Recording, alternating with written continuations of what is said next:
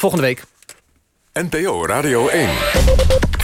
En de nu het nieuws met Dorot Megens. Volgens demissionair minister van Binnenlandse Zaken Ollongren... staan alle seinen op groen om de Tweede Kamerverkiezingen door te laten gaan. In een overleg met het Veiligheidsberaad zijn volgens haar de puntjes op de i gezet. En mocht de avondklok op 17 maart nog gelden... dan zal die volgens haar geen belemmering zijn. Dan volstaat een mondelinge verklaring dat je bent gaan stemmen. Een Hagenaar is veroordeeld tot acht jaar cel voor het zoeken naar een huurmoordenaar. Man zocht volgens het OM op het dark web naar iemand die zijn vrouw... en de moeder van hun twee kinderen zou willen vermoorden. Ook maakte hij geld over naar een mogelijke huurmoordenaar... maar die voerde het plan niet uit. Het noorden van de provincie Noord-Holland kan met een coronabrandhaard. Lokale bestuurders zijn bang dat de zorg in de regio overbelast raakt. Sommige patiënten moeten al naar een ziekenhuis ver weg. En de advocaat van een neef van Quincy Promes... heeft beslag laten leggen op de villa van de oud-Ajaxiet, meldt de Telegraaf. Promes zou vorig jaar op een familiefeest de neef hebben gestoken. Zijn advocaat heeft om beslaglegging gevraagd... als zekerheidsstelling voor een schadeclaim. NPO Radio 1.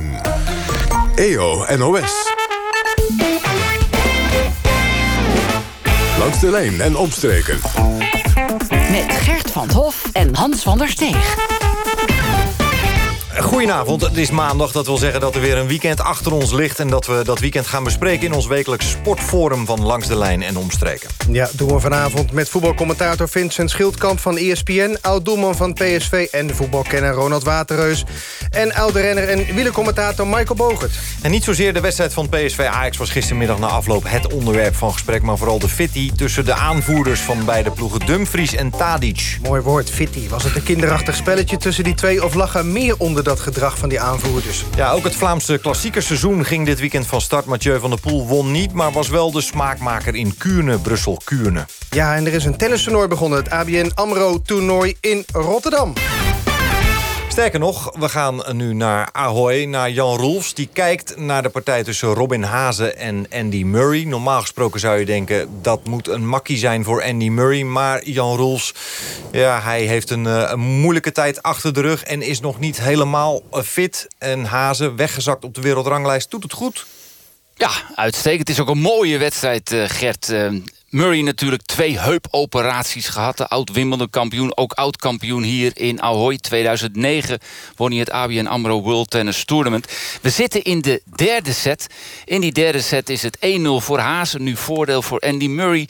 Eerste set won Hazen makkelijk met 6-2. Had hij twee breaks. Tweede set ging gelijk op. Een tiebreak aan het einde van die tweede set... en die werd gewonnen door Andy Murray. Haase heeft een antwoord op de dropshots van de schot. Haase speelt zelf ook af en toe een korte bal... vertraagd met zijn backhand. Maar het is werkelijk een schitterende wedstrijd, hoor. En ik zou niet weten op wie ik mijn geld moet gaan zetten... of op Andy Murray of op Robin Haase. Beide 33 jaar, beide ook een wildcard gekregen hier in Rotterdam. Haas op het laatste moment vanwege de afzeggingen dus van uh, Nadal, van Raonic, van Berrettini, van Monfils. Maar het is toch nog een prachtig toernooi hoor. Met Medvedev, met Zverev, Wawrinka, Tsitsipas. Dat zijn de toppers, die komen later dus in actie. En nu in die uh, derde set, Juice in die tweede game... 1-0 dus voor Robin Haase hier in Ahoy. Een leeg Ahoy. Dat is natuurlijk ontzettend jammer. Geen publiek. Alle spelers, media, medewerkers worden getest. Het is hier een bubbel. Veilig, maar sfeerloos. Wel futuristisch mooi uitgelicht. Maar ja, we missen het publiek in, in Ahoy. Zomaar live sport op de maandagavond, dat hebben we lang niet meegemaakt. Meestal is het alleen het forum, maar uh, gelukkig zijn jullie er ook uh, heren in dit geval. Michael Bogert uh, vanuit huis, denk ik. We hebben beeld van jou. Michael, goedenavond, welkom. Goedenavond. Schitterende keuken met een bos bloemen op de achtergrond. Ja, die heb ik mevrouw cadeau gegeven. ja, heel goed, heel goed. Ja. Goed bezig. En hier aan tafel uh, Ronald Waterreus en uh, Vincent uh, Schildkamp. Ronald Waterreus vroeg zich al af of hij die koptelefoon op moest zetten... om Michael Bogen te, te, horen. Maar hij heeft hem opgezet, Michael, dus hij wil graag naar je luisteren. Um, zoals gewoonlijk beginnen we altijd met het moment van de week. En Michael, we beginnen bij jou. Even luisteren. Bennett die hier in het blauw op komt zetten voorbij Akkerman. En in zijn kielzog komt mee Dekker. En de 23-jarige zoon van Erik Dekker zet hier weer een knappe prestatie neer. Hij wordt tweede achter deze Ier, Sam Bennett. Ja, een fragment uit de United Arab Emirates Tour, zeggen we dan. De UAE Tour. Uh, Michael, waarom wilde je dit laten horen? Uh, nou ja, ik vind het wel heel bijzonder dat een, een zoon van een, uh, ja, een goed, goed ex-collega van mij, Erik... Erik zijn vader, Dekker, die ja, natuurlijk een van de beste eendagsrenners uh, van zijn generatie was. Dat hij uh, zijn zoon nu in het peloton heeft fietsen. Die eigenlijk uh, precies een jaar geleden, morgen is Samijn. Dat is een koers in België. Daar werd hij verleden jaar werd David Dekker daar derde uit mijn hoofd. En reden echt een supergoeie wedstrijd. toen hebben we natuurlijk de, de lockdown gekregen. En ja, dan, dan, dan verwacht je eigenlijk een beetje dat de jongens van die leeftijd... een beetje tussen wal en schip raken. Um, hij heeft gelukkig een contract kunnen tekenen bij, bij uh, Jumbo-Visma. En ja, hij uh, zet gelijk zijn eerste wedstrijd tussen de grote mannen... dus daar een goede prestatie neer... dat ik daar echt van, uh, van onder de indruk ben. hoe sterk die fietst. hoe, hoe ja, eigenlijk zittend een massaspurt doet. Ja, en ik eigenlijk heel benieuwd ben hoe die, hoe die zich gaat ontwikkelen als, als klassieke renner. Want ja, dat, zo had ik hem eigenlijk altijd een klein beetje voor ogen. En ja, nu, nu doet hij zo mee, gelijk in die, in die, in die massaspurts... waar eigenlijk alle grote mannen buiten Groenewegen en Jacobsen... dan was, was eigenlijk zowat iedereen aanwezig daar in, in de Emiraten. Ja, en dan gelijk zo starten, dan ja, dat, uh, daar gaat mijn wielerhart wel, uh, wel sneller van kloppen. Ja, mooi. We komen, er, we komen er zo meteen ook nog over de koers uh, even verder te spreken. Dus dan, ja, dan, ik heb toch wel een vraag aan Michael. Want, want zonen schijnen tegenwoordig meestal beter te zijn dan hun, hun vader. Dat zien we bij Mathieu. terwijl Adrie toch ook geen, geen slecht palmares heeft. Max Verstappen doet het ook behoorlijk goed. Ook beter dan, dan Jos. Kun je al iets zeggen over David Dekker en zijn verhouding... als het gaat om de prestaties tot zijn vader, Erik? Nou, daar, dan, moet hij, uh, dan, dan mag hij rap gaan beginnen. Ik bedoel, uh, zijn vader die, die bij de overstap naar de beroepsrenners in 1992... naar de Olympische Spelen van Barcelona... reed hij gelijk eigenlijk ook mee in de, in de wereldbekerkoers... Uh, op het eind van het jaar Parijs Tours bijvoorbeeld. Daar, daar was hij ook gelijk goed. Dus die had ook een, een spetterend debuut. Maar hij moet natuurlijk wel even aan de bak... wil hij zijn vader gaan, ja. gaan overtreffen. wereldbeker gewonnen in 2001. die is helaas niet meer de wereldbeker... maar wellicht dat het ooit nog terugkomt. Maar, ja, ja, vier ja. toeretappes en ja. Uh, ja, wat niet nog meer. San Sebastian toch ook, dacht ik? Ja, ook. Uh, ja, ja Amstel Race, Parijs Tours. Dus, Mooi. Vincent, jij wilde dit horen. Prachtig paasje op Boadu. Boadu, puntstrafschopgebied. Twee man tegenover zich. Trekt naar binnen. Schiet dan. En schiet hem erin. Hij is een doelpunt. Zo. Het is de gelijkmaker. De gelijkmaker van Boadu is met links geschoten. Een harde schuiver. Een hele harde schuiver. Die Justin Bijlo zomaar verrast. Ja, een van de goals van uh, Boadu in de wedstrijd van uh, AZ uh, gisteren tegen Feyenoord. Is dit het Kees Kist effect? Nou, daar, daar ging het de afloop over. Vond ik wel erg vermakelijk overigens. Want Boadu zat een maandje of twee geleden in een mindere fase. En toen wierp iedereen zich op als de adviseur van Myron Boadu. Die, ja. Het werd nogal benadrukt wat hij allemaal niet kon. Maar er werd ook wel vergeten wat, waar hij wel heel goed in is. Namelijk het positie kiezen en het, het afmaken van, van doelpunten. En Kees Kist, Europees topscorer van 1979 destijds voor AZ 67. Die had dat ook allemaal aangezien. En die wil het gesprek wel uh, aangaan. Uh, als goed bedoeld advies.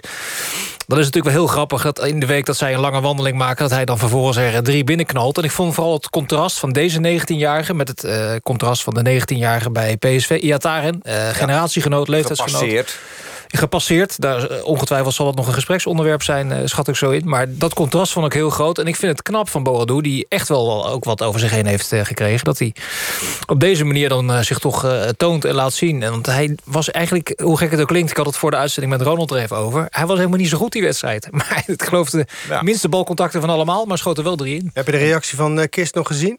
Nee, die heb ik niet gezien, nee. Want jij was er ook, geloof ik, hè? Ja, ja. ja. We, waren, we waren druk met interviews tot een uur of half acht, geloof ik. Misschien uh, om die reden gemist, maar... Kees zal er een, uh, een biertje op hebben genomen. Ja, ik denk dat uh, lijkt moet ik ook, ja. ja. Terecht. Goed, Ronald, jij verbaasde je over de keeper van Fortuna. Zijn laatste wedstrijd speelde hij met Omonia Nicosia tegen Pavos. 21 december 2017. Zijn optreden hier heeft uh, ruim 20 minuten geduurd. En dat was toch geen succes? Ja, dit gaat over uh, Piet Veldhuizen. Ja. Ja, ja, ja. Die stilte. Ja, denk, wat zal ik er eens over gaan ja, zeggen? Ja, inderdaad, wat moet je ervan zeggen? Uh, ja, soms moet je mensen tegen zichzelf in bescherming nemen, denk ik. En ja, dan, lang niet gespeeld. Ja, je moet dat gewoon niet willen. En, uh, ik, bedoel, ik, ik, heb ook heel duidelijk aangegeven dat ik dit moment gekozen heb... niet om uh, Piet Veldhuizen te bashen. Um, maar als je toch als club zijnde zoiets doet... dan ja, snap ik gewoon echt niet ik, ik snap niet waar het vandaan komt. Ik snap dat je een geblesseerde keeper hebt. Ik snap ook dat je een keeper erachter hebt... die dan vandaag een transfer maakt. Maar zou er nou echt werkelijk in de hele provincie Limburg... niet iemand te vinden zijn die, fitter is? die langer dan 20 minuten zou hebben kunnen keepen? Ja. Ja, ja, ik vind- of de keeper van de A1.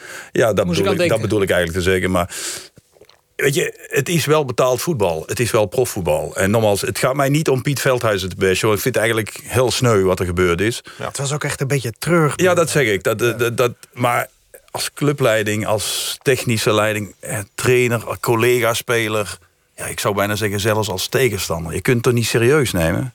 Ik bedoel, het is de hoogste afdeling van Nederlands betaalde voetbal. Nou, maar er is natuurlijk eh, over de spelers bij Emmen... aan het begin van het seizoen ook wel het een en ander eh, gezegd. Ja. Dan komt eh, dit eroverheen. Het is voor de eredivisie... Nou, beschamend, het gaat wat ver. Maar dit is, het is nou niet echt gelijk reclame. Nee, maar goed, ik bedoel, wat ik zeg... dat is ook zo, je hebt je helemaal gelijk in. Maar ik vraag me dan af als clubleiding... je, je, je, je, je wil een beroep op zo iemand doen. Ja, van mij mag het. Maar die zie je dan toch ook. En dan denk je, zullen we dan toch maar beter niet doen. Maar schijnbaar. En, en je stelt hem ook nog op ook. En na 20 minuten eh, moet hij eruit. En dan geeft hij na de wedstrijd in al zijn eerlijkheid eigenlijk ook al toe... dat hij in de warming-up al iets voelde. Ja, Ja. het lijkt inderdaad, ja, nogmaals, het gaat me er niet om om Piet eh, te bashen. Ze hadden jou ook kunnen bellen. Nee, dat is flauwekul. Ik, ik, Nee, snap ik. eh, eh, dat, dat, eh, nou ja, ik zou wel willen zeggen dat ik fitter ben dan Piet, ja. Dat kan ik beamen. ja. Ja, Eh, nee, maar goed, nogmaals, eh, het klinkt nu toch alsof Nee, het, eh, het is om hem niet, gaat. het is Het niet om Pieter Besje. Dat heb je helder Het gaat voor mij veel meer om de mensen Het die... principe van het, het vastleggen van een doelman... die zo lang niet heeft gespeeld op leeftijd. Ja. Ja, en daarmee dus gewoon mensen passeren die wel nog een toekomst hebben. Ja. En dromen van een toekomst. Ik hoor hier eh, Michael praten over een eh, zoon van een oud-renner... Ja. die een toekomst nog voor zich heeft. Ik hoor hier Boadou en ik hoor Iataren. Het zijn allemaal mensen die nog dromen hebben. En die moeten wij ook ooit als Nederlands voetbal een kans geven. Ergens komt er ooit een trainer die tegen jou zegt van... je speelt zondag. Ja. En nu zit daar een jongen die... Als je keeper van de Jong Fortuna of de A1 van Fortuna bent... dan denk je dus nu bij jezelf, ik ken er helemaal niks van. Nee, ik krijg de kans niet. En die speelt volgend jaar bij eh Limburger, ja, of Echt? EAC. Of, eh, Het is meer dan alleen de beslissing om, eh, om Piet Veldhuis in Ja. deze op te stellen. We gaan, eh, we gaan naar eh, Rotterdam. eh, Jan Rolfs, de derde set. Andy Murray, Murray tegen Robin Hazen. Ja, break voor eh, Robin Hazen. Ze zitten nu op het bankje. Het is 3-0 voor Hazen. Heeft dus eh, twee keer zijn service behouden... en één keer die opslag van Andy Murray gebroken. En Murray dan echt, ja, dat kennen we van hem. Gefrustreerd slaat hij keihard met zijn rekken tegen zijn hoofd. De lichten gaan nu weer aan. We gaan beginnen aan de vierde game. Maar Hazen heeft dus een break te pakken in de derde set. Ja, Jan, toch even. Hoe ver is Haas inmiddels afgezakt op de wereldranglijst? Want dit zou een belangrijke zegen voor hem zijn, hè? Hij is nu de nummer 193 van de wereld. Hè. 33 jaar, is afgezakt. eh, heeft gespeeld in Australië. Verloor daar in de eerste ronde Australian Open van Krajinovic. Maar Murray is natuurlijk ook de 123ste van de wereld. Beiden hebben dus geen ranking om eh, zomaar in het hoofdtoernooi te komen. Vandaar dat ze dus die wildcard hebben gekregen... van toernooidirecteur Richard Krajicek. Goed, het Sportforum met Vincent Schildkamp, Ronald Waterreus en Michael Bogert. Ja, we gaan eens bij de Eredivisie beginnen, want het was het eh, weekendje wel, zullen we maar weer zeggen. Onder andere de topper Ajax ging op bezoek bij nummer 2, PSV. Het is zondagmiddag, half drie, 11 graden in Eindhoven. En een stralend zonnetje om deze derde editie van PSV Ajax binnen acht weken te begeleiden. En die is begonnen inmiddels. Ajax afgetrapt met Sebastien Aller. Hier komt nu Ajax aan met de kans voor Aller. Die krijgt hem niet, maar Rens wel. En Rens schiet er niet in. Hij gaat op de paal. Eerste kans voor Ajax. Het is een grote ook voor de rechtsback die zo vaak opduikt. Komt daar misschien wel een kans aan voor PSV. Sterker nog, er komt een hele grote kans aan voor PSV. Geen goal omdat Stekelenburg de inzet van Dumfries nog eh, stopt. Dan maar naar Anthony. Die schiet en een goede redding. In de korte hoek van Anthony. Venijnig schot van eh, de Braziliaan. Malen met een aanloop. In de mangel genomen. Alvarez gaat een gele kaart krijgen voor een overtreding net buiten het strafschopgebied. Maar die overtreding was nodig, want Malen was onderweg naar Stekelenburg. Dus een vrije trap voor PSV. Zahavi is toch kandidaat nummer 1. Die neemt hem ook en die schiet hem er ook in. Ook ja, het is ongelooflijk. Stekelenburg staat erbij, kijkt er naar de muur, blijft staan. En dus kan hij er makkelijk overheen.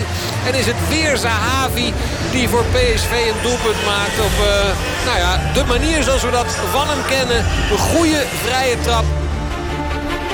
Het is allemaal te onzorgvuldig. Het is te slordig.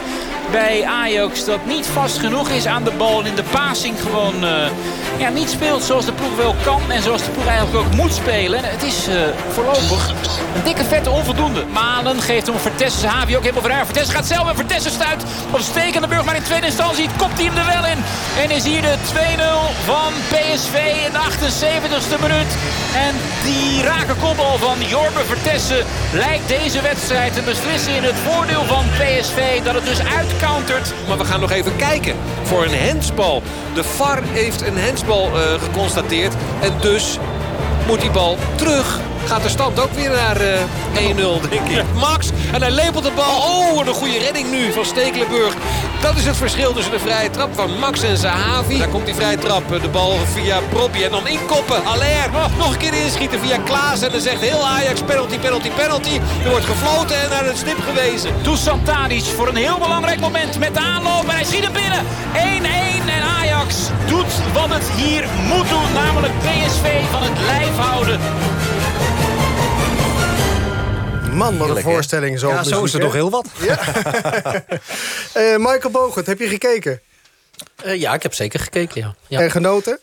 Uh, nou, ik vond de wedstrijd nou niet, uh, niet heel bijzonder. En ik zat, ook, uh, ik zat natuurlijk ook Kuurne te kijken. Kuurne, Brussel, Kuurne. Ja. En, we hadden hier in België zenden ze, zenden ze altijd de topwedstrijden van de Nederlandse competitie uit. Dus die hadden we op groot beeld. En we zaten op een livestream Kuurne te kijken. Dus het was een beetje switchen. Maar uh, ja, mijn zoon die is uh, vervent uh, PSV-fan. Dus die, ik had dacht, vlak voor het einde had ik nog mijn broer even aan de telefoon om over het wielrennen te praten. En die zei, die kleine die gaat dadelijk die gaat nog pech hebben, want Van der Poel gaat teruggepakt worden. En Ajax die gaat natuurlijk nog scoren in de laatste minuut. En het was, het was nog waar ook. Dus die had, die had een rotbui. Ja. ja, is het inmiddels weer goed gekomen? Uh, ja, want ik had hem beloofd, of beloofd, dat was een beetje zo weddenschap. We hebben natuurlijk van de week ook uh, Europa League gekeken. En uh, die, die, die, die Savi, ja, Savi, ja. die, die legt er twee in. Dus hij zei van als PSV wint, dan bestel ik straks gelijk een, een, een outfitje, thuis outfitje. Want hij zei zijn outfitje gegroeid. Dus ik zei, nou is goed. Ja, toen gingen ze natuurlijk ook nog, nog, nog erin, zeg maar. Of ze gingen niet door. Nee. En toen, gisteren zei hij het weer. Hij zei, als hij scoort, dan ga ik hem toch echt bestellen. Ja, hij scoorde gisteren. Dus we hebben toch nog uh, gisteravond een, een, outfitje bij de PSV store Gelukkig, nou, dat, dat, dat, dat, dat misstaat niet. Uh, Vincent Schildkamp, PSV verloren met 1-1, kunnen we het zo zeggen? Uh, ja, uiteindelijk wel. Want dat was de laatste kans om de titelrace nog uh, spannend te maken. En dat, dat is uiteindelijk niet gelukt. Er zit natuurlijk wel een, in die slotfase een bepaalde uh, onrechtvaardigheid... en ook rechtvaardigheid in. Want de regel is nou eenmaal zo dat, dat alle vormen van aanvallend hens... dat dat tegenwoordig wordt afgefloten en dus ook teruggedraaid. Maar deze jongen die krijgt hem op een halve meter... met een arm langs zijn lichaam tegen zich aangeschoten. Ja, en dat voelt dan toch ergens toch ook wel onrechtvaardig... omdat je er helemaal niets aan kan doen. En daar, daar komt nog eens bij dat die Martinez even daarvoor op de enkel ging staan van... ik dacht... Ja. Uh, Zahavi. Ja, er is grote woede onder PSV-fans ja, maar dat, dat, dat, dat is, geen rood was. We hadden gisteren Dick van Egmond in de uitzending. En het, dit is al eerder aan de hand geweest met Anthony onder andere een paar keer... die, die een, een natrappende beweging maakt het natrappen of het uh, zo'n overtreding maken... moet met een bepaalde impact gebeuren. Dat is een, uh, een, een nuancewijziging zeg maar, in de regel geweest, een paar jaar geleden. Dus op basis daarvan kon hij inderdaad geen rode kaart geven. Maar dat zijn natuurlijk wel twee hiaten in de voetbalspelregels... die ja. totaal onrechtvaardig aanvoelen. Ja, dat was wel apart in die, in die slotfase. Maar PSV, ik geloof dat, dat, dat jij dat wel beaamt... dat PSV de, de titel nu niet meer kan en gaat pakken. En jij ja. kijkt nu naar Ronald Waterreus, jouw buurman. Nee, dat gaan ze niet pakken. En, uh, laten, we, laten we eerlijk zijn. Ajax heeft vanaf na de winterstop drie keer tegen PSV gespeeld. Twee keer tegen AZ. Ik denk één keer tegen Feyenoord en twee keer tegen Lille. En nogal wat wedstrijden. En er geen één verloren. Dus dan denk ik dat we ook nu al mogen stellen... dat ze verdiend kampioen ja, gaan worden. En, en uh, dat gelijke spel, dat haalt Ajax dan binnen. Maar niet door geweldig te spelen. Hè? Want ze haalden toch niet het niveau. Nee, maar goed, ik bedoel, in dit soort wedstrijden vind ik dat ook niet zo heel belangrijk. Dat, zal, dat geldt zowel voor Ajax als voor PSV. Kijk, je wil, je wil die wedstrijden winnen. In het geval van PSV moet je hem zelfs winnen. Ja. ja, dat is ook niet zo belangrijk hoe je dat doet. Het gaat erom dat je hem wint. Ik dacht nog, zal PSV weer zo van uit de startblokken gaan... als in de arena, die, die Ajax-PSV in de competitie? Ja, maar dat was achteraf ook al een beetje vertekend. Want toen begonnen ze eigenlijk ook helemaal niet zo goed. Alleen de eerste, de beste bal die ze toen op, tussen de palen schoten... die vloog erin. En dan de tweede bal die vloog er ook in. En toen leek het alsof ze heel goed begonnen. Dat viel eigenlijk toen ook best wel mee. Eh, over die drie wedstrijden gezien is, is Ajax gewoon een betere ploeg. Punt. Ja, dat horen ze in Eindhoven niet zo heel graag, maar het is toch helaas eh, de waarheid. En ik denk, ja, de zoon van Michael vindt dat dan ook niet zo leuk, maar het is toch echt zo. Nou ja, het zal ook niemand betwisten. Ook de luxe die Ajax heeft in de selectie. Weet je, als, als we blind als middenvelder draait, dan zou bij ieder andere ploeg zouden ze hem daar laten staan. Maar ja, de situatie vraagt erom dat hij een wedstrijd daarna als Ja, linksback moet gaan spelen. niet is, en dan moet ja, hij terug. precies. Dan is er geen enkel eh, hoe heet dat, eh, verschil in kwaliteit. Ze boeten daar niet eh, op in als zij de nummers 12 tot en met 17 moeten inzetten. Toch zag Erik ten Hag dat zijn ploeg niet in goede doen was. We begonnen heel goed aan de wedstrijd. Zoals ik Ajax graag zie spelen. Eh, twee goede kansen afdwingend eh, via Rens. Maar dat was het. Nou, daarna werd het spel gewoon beduidend minder. En gingen we mee in, de, eh, in het opportunisme van PSV. In de emotie van PSV. En ja, dat was niet goed. Hè. We, waren- we durfden niet de keuzes te maken van achteruit die nodig waren... om PSV in de problemen te brengen. En vandaag kun je zeggen, hebben wij met 1-1 gewonnen. Dat was eh, Erik ten Hag. Ehm, ja, over 1-1 gewonnen of 1-1 verloren. Dat is een beetje welke kant eh, eh, van de partij je dan staat. Ik ben benieuwd hoe het zoontje van Michael Bogert... naar dat opstootje heeft, heeft gekeken tussen Tadic en Dumfries. Ja, dat, daar was hij slecht van natuurlijk. Dat, dus die was, hij vond natuurlijk al die penalty vond hij onterecht. Nou ja, dat, dat was natuurlijk niet zo. Maar nee, over de arbitrage was hij niet, niet, niet, niet te spreken. Maar eh, ja, ja ik, eh, weet je, ik weet ook niet wat daar, eh, wat daar precies gezegd wordt. Daar kan Ronald Nee. misschien beter... Nee, of beter nou ja, beter, eh, hoe noem je dat, duiden. Ik weet niet hoe dat eh, eraan toe gaat in de voetbal. Ik bedoel, ja, als je, als je die, die dingen allemaal hoort... wat er eventueel gezegd zou zijn... ik kan me daar haast niks bij voorstellen... want in het wielrennen gebeurt dat eh, absoluut niet. Er wordt wel een beetje op elkaar gescholden... maar er wordt niet over moeders eh, geroepen... of eh, ja, dingen van... De, de- ja, er wordt niet echt gezogen, weet je. En dat, Nee. dat had ik hier het idee dan wel... of dat kregen wij dan te horen in de, in de interviews na afloop. Nou, even, ja. een, even een samenvatting van, van beide heren zelf dan. I put ball to shoot penalty, and the three players of them they come uh, to make hole in the pitch. They they were really kicking the pitch, and he come to me and say that I'm pussy and that I'm not leader, and that I will miss penalty. Wie zei pussy? Jij? Ik zei tegen hem pussy. Ja. Dat zei hij. Ja. Oh nee, ja, hij zei wat anders hoor. Dus, uh, Maar hij weet wat hij heeft gezegd. Dus, uh... Of course, when you score goal, that you tell him also bad words back because it's not, it's in your nature. You cannot say. Ah, thank you that you tell me that I'm pussy. Uh, you know, uh, it's not possible. Jouw moeder uitschelden? Ja, dat heeft hij wel gezegd, ja. Dus daar ben ik niet van gediend. Nee, nou, ja. ja, dan uh, word, je, word je een beetje boos. You said also something about his mother. I don't know. I, taste, I, I probably I tell him something on Serbian. We zijn mannen, we gaan verder. Um, ja, goed, het hoort erbij. Ja, het, het klinkt voor mij ook een beetje als een nieuwe aflevering in Hallo Hallo... als ik Tadic uh, hoor, uh, hoor spreken. Um, ja, Ronald, hoe, hoe, heb jij hiernaar gekeken ja. en geluisterd? We zijn mannen en we gaan door. Uh, het, het, hele, het hele item, we gaan niet over mannen. Een beetje kinderachtig allemaal, toch? Nou, maar ik, ik vind het wel iets meer dan dat. Ik vind, het ook, ja, ik vind het ook gewoon beschamend. Dit zijn de aanvoerders van Ajax en PSV, nummers 1 en 2 van de, de ranglijst... die zich volledig laten gaan. Er zit jeugd te kijken, het zoontje van Michael Bogert. De, dit is natuurlijk niet, is natuurlijk niet normaal. Het, het, zou wel normaal zijn als het uh, zo ontspoort zoals het deed... en dat je vervolgens, als je het veld verlaat, elkaar een hand geeft. Of later in de interviews, als je daarop terugkomt... zo luisteren, hij liep net voorbij, ik heb een hand gegeven, het is klaar. Ja, je hebt, dat is je slecht, mag me, je mag me moraal de emotie noemen, maar... tijdens de wedstrijd is, is nog ergens te, Zeker, te begrijpen... maar na afloop moet je direct uh, ja. mannen zijn. Ja, je mag me als een moraalridder bestempelen. Maar dit is ook, ook, een voorbeeldfunctie, hoe je het ook went of keert. Weet je, het hele land, is, inclusief de jeugd, zit naar zo'n wedstrijd te kijken. En dan gaan de twee aanvoerders gaan zich op die manier gedragen. Met, met een hele uitleg na afloop wie wat gezegd zou hebben. Totaal irrelevant. Dat is gewoon beschamend gedrag, vind ik. Ja.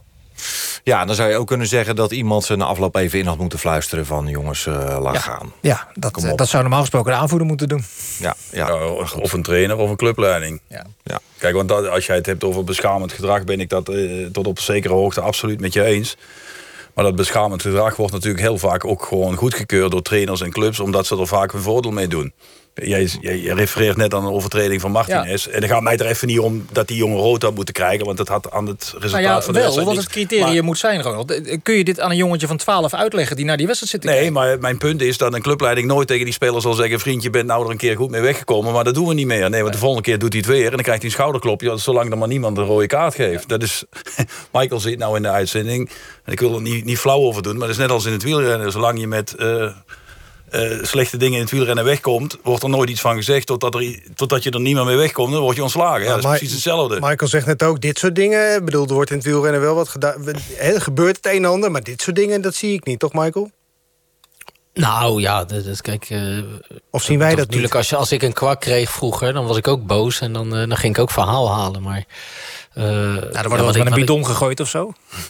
Ja, nee, natuurlijk zullen ook wel accidenten zijn. Maar ja, wat ik dan bizar vind aan dit, eh, dit hele voorval... we weten nou nog steeds niet wat er gezegd is, weet je. Dan denk ik, eh, als je dan inderdaad eh, volwassen kerels bent... dan kan je toch gewoon zeggen, nou ja, wat heeft die gezegd? En dan kan die ander toch op reageren. Maar het is allemaal zo vaag. En ja, ik weet niet wat ik heb gezegd. Iets in het Servisch. En dan zeg ik, zei iets over mijn moeder. Maar ze, benoem het gewoon, weet je. En dan kan iedereen daarop op reageren. Maar nogmaals, ik weet helemaal niet hoe dat in de voetbal gaat, weet je. Ik, ik, sta er ook, ik ben er echt verbaasd van dat ik dan hoor... dat, dat als er iemand een strafschop gaat nemen... dat, dat er dan, dan drie spelers een, een gat in het, eh, in het strafschopgebied eh, schoppen of zo. Ja, dat, dat, ik zal dan ook wel exploderen, denk ik, als ik dat zou zien. En dan, ja, dan zou ik het er ook heel lastig mee hebben. Net zoals met bijvoorbeeld die, die, die overtreding dan... die, eh, die op Sahavi werd gemaakt. Of die, ja, dat nog even op zijn voet staan. Ja, dat, Ja.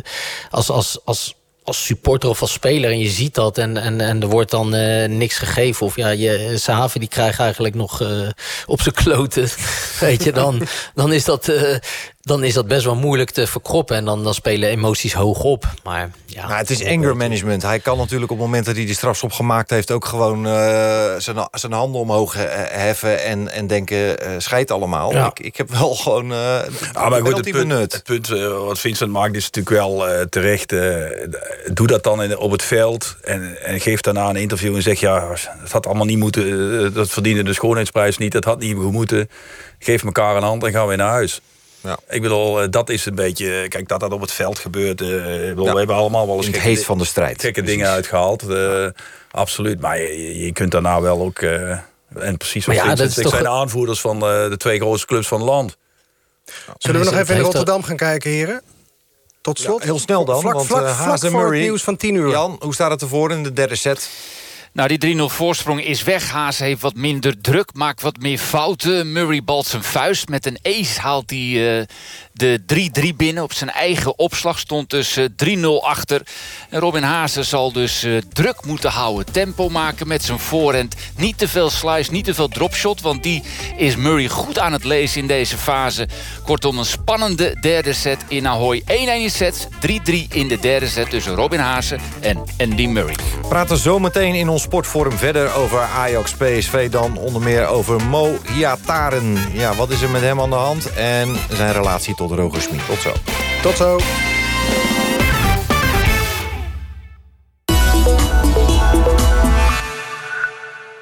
Ook zo'n hekel aan je overhemd strijken? De grootste collectie strijkvrij vind je op overhemden.com. Geniet nu helemaal van je dag, want het pleinfestijn gaat weer los. Met elke dag opnieuw extra feestelijk voordeel. Zoals alle Oral-B, nu tot 50% korting. Plein.nl, thuis in verzorging. Juist in deze moeilijke periode is Max er voor u. Dagelijks maken we mooie programma's voor u... en onze Max-ombudsman behartigt uw belangen. Om onze programma's te kunnen blijven maken... wil ik u vragen lid te worden van Omroep Max. We hebben uw steun hard nodig. Max is uw stem in Hilversum. Steun ons. Word lid voor slechts 7,50 euro per jaar. Bel nu 0900 4x5 3x0 10 cent per minuut. of ga naar ikwordlidvanmax.nl. De toeslagenaffaire. Tienduizenden ouders moesten gigantische bedragen terugbetalen met desastreuze gevolgen.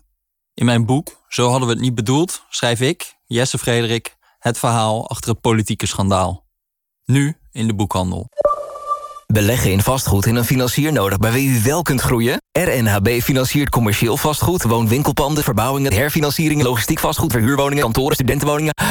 Dit en nog veel meer kun je natuurlijk ook even rustig teruglezen op rnhb.nl slash meerwaarde. RNHB, de vastgoedfinancier van Nederland. Let op, geld lenen kost geld. 17 maart is het moment om de politiek groen te maken.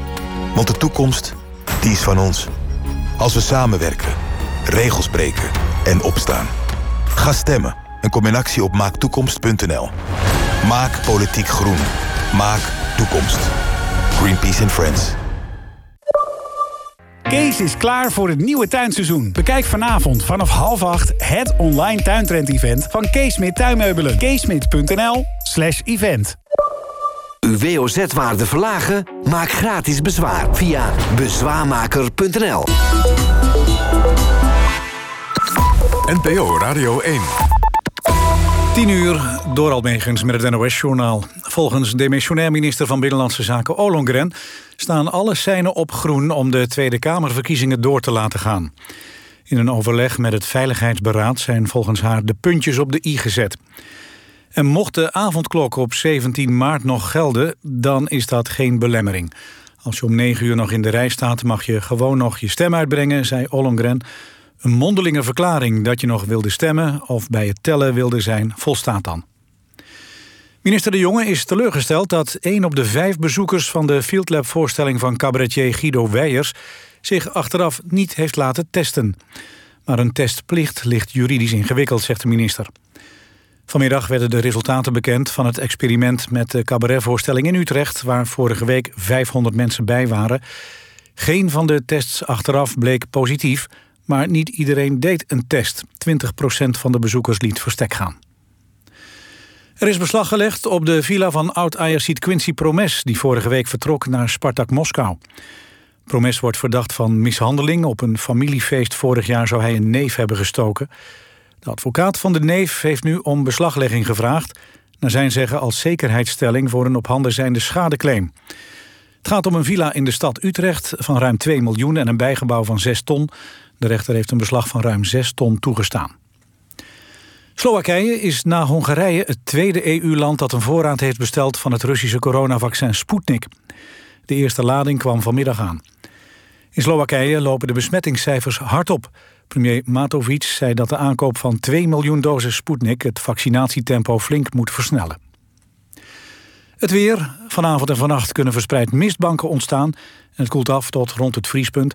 Morgen overdag breekt vanuit het zuiden de zon door. Wordt het een stuk warmer, 9 tot 16 graden. Dit was het NOS Journaal. De Belgische en de Nederlandse politie vragen de aandacht voor een vermissing. In de nieuwe BNN-VARA-serie Red Light raken de levens van drie vrouwen met elkaar verstrengeld na een mysterieuze verdwijning. Carice van Houten en Alina Rijn schitteren in deze serie over prostitutie en mensenhandel. Ik dacht echt dat het wel een goede gast was. Stream alle afleveringen van Red Light nu op NPO+. Ik stem SP voor een overheid die mensen helpt in plaats van kapot maakt. Online verkopen? Simpel. Start nu jouw webshop gratis via mijndomein.nl. Ik stem SP voor een betere beloning en minder werkdruk in de zorg. Dat is handig. De basisbibliotheek van Management Boek. Er zijn maar liefst 20 bibliotheken voor alle grote thema's. Kijk op managementboek.nl slash basis. Ik stem SP voor een betaalbare woning voor alle starters. Dit is het moment om ons land eerlijker te maken. Doe mee. Stem ook SP. De nieuwe oplaadbare hoortoestellen van Specsavers. Zonder batterijen. Zo spaart u zowel uw portemonnee als het milieu. En u laat ze eenvoudig weer op. Uw zorgverzekeraar vergoedt 75% en Specsavers de rest. Kijk voor de voorwaarden op specsavers.nl.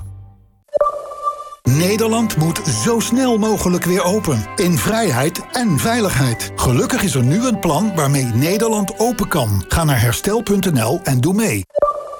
Er wordt gefluisterd. Wat? Dat Fazantelaan 4 in de stille verkoop verkocht is. Echt? Hoe had ik dat dan tijdig kunnen weten? De mooiste huizen worden vaak zonder rugbaarheid verkocht. Bent u benieuwd naar het aanbod in de stille verkoop? Ga dan naar kwales.nl en maak een persoonlijk profiel. Kwales, makelaars voor het hogere segment. Kwales met een Q. One. Love always. TheFinalSecret.com NPO Radio 1. EO NOS. Langs de lijn en omstreken. Met Gert van Hof en Hans van der Steeg. 4 over 10, welkom terug bij het Sportforum van Langs de Lijn en Omstreken. Ja, ze zijn uh, bij ons ESPN voetbalcommentator Vincent Schildkamp... oud-doelman van PSV, wielerliefhebber uh, Ronald Waterreus... en oud-renner en wielercommentator Michael Bogert. Ja, we hadden het net voor het nieuws al even over PSV, Ajax... maar we hebben nog niet alles besproken. Mohamed Iataren bijvoorbeeld was vooraf de meest besproken PSV'er. Waarom zat hij gisteren niet bij de selectie? En iemand heeft dit opgeschreven. Feyenoord lijkt te zwak om tweede te worden in de Eredivisie. Ik lees het voor na het verlies tegen AZ. Waar komen de Rotterdammers uit dit seizoen? En straks de antwoorden op dit soort uh, vragen. Eerst het belangrijkste sportnieuws van deze dag. Kom uit Rotterdam, hè? De Spaanse politie heeft een inval gedaan bij FC Barcelona. De politie zou in de kantoren van Camp Nou op zoek zijn naar bewijzen... dat oud-voorzitter Bartomeu een lastercampagne voerde... tegen spelers die kritisch op hem waren. Lionel Messi was een van hen. Correspondent Edwin Winkels. Ja, het is al tijden een zooitje bij Barcelona natuurlijk. In, in alle opzichten. De grootste problemen zijn, zijn natuurlijk financieel... Uh, de, de crisis, geen geld, hoge schulden. Uh, maar ja, met, met elke stap ook uh, wordt, brokkelt het prestige van die club verder af. Met de inval zou ook oud-voorzitter Bartomeu zijn gearresteerd. Het nieuws komt op een gevoelig moment. Komende zondag zijn er verkiezingen voor een nieuwe voorzitter. En dat zal allemaal met aandacht worden gevolgd door Ronald Koeman... die het sportief allemaal een beetje beter op de rit heeft. Maar het blijft maar rommelen en dat is een understatement bij die club. De rentree van Kiki Bertens verliep niet erg succesvol, kunnen we wel stellen. Op het WTA-toernooi van Qatar verloren ze met 6-0 en 6-2 van Jelena Ostapenko. De wedstrijd duurde nog geen uur en Bertens had vanwege een Achillespees-operatie... al sinds oktober geen wedstrijd meer gespeeld. En handbalster Estefana Polman is weer terug bij Oranje. Na haar zware knieblessure meldt ze zich deze week weer op Papendal. Oranje komt daarbij een voor een oefenstage... en dat is allemaal in de aanloop naar de Olympische Spelen. Voetballer Timothy Fosu-Mensah heeft gisteren de voorste kruis kruisband van zijn rechterknie gescheurd. De drievoudig international moet worden geopereerd... en zal lang uit de roulatie zijn. Fosu Mensa raakte geblesseerd in de wedstrijd van zijn club... Bayer Leverkusen tegen Freiburg. Gaan we naar Ahoy. Robin Hazen stond 3-0 voor in de derde set tegen Andy Murray, Jan. Heel ander verhaal nu. Murray heeft gebroken naar 4-3. Behoudt zijn eigen opslaggame zojuist moeiteloos op love naar 5-3 nu voor Andy Murray. Het is eh, weg bij Hazen. Kan geen druk zetten, beweegt minder, lijkt vermoeid. Murray natuurlijk ook vermoeid. De wedstrijd is iets over half acht begonnen. Al ruim 2,5 uur op de baan. Hazen schudt het hoofd. Moet nu zelf gaan serveren om in de wedstrijd te blijven. Murray Huppelt ziet hem natuurlijk zitten. 5-3 voor de schot in de derde set tegen Robin Hazen gaan wij een uh, vervolg uh, zetten bij ons, uh, aan ons nieuwsforum... met Vincent Schildkamp, Michael Bogert en Ronald Waterreus. We waren gebleven bij PSV Ajax... en we hadden nog niet over de speler Iataren gesproken... Gaan we dat nu doen? Want er was vooraf veel te doen over de situatie van Mo Iataren. De club PSV liet in een statement op de site weten... dat Iataren zich niet professioneel opgesteld had. En dus zat hij niet bij de selectie tegen Ajax.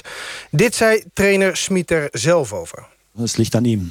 Also es ist natürlich, ich glaube, dass alle im Verein einen Riesenaufwand betreiben, um ihn äh, zu einem professionellen Fußballspieler zu machen. Er muss einfach mal irgendwann mal kapieren, dass Fußball ein Mannschaftssport ist und äh, dass es immer jedem was abverlangt. Und er war mal auf einem guten Weg. Jetzt muss er sehen, dass er da wieder hin zurückkommt. Ähm, die Türen sind ähm, letztendlich immer noch offen für ihn.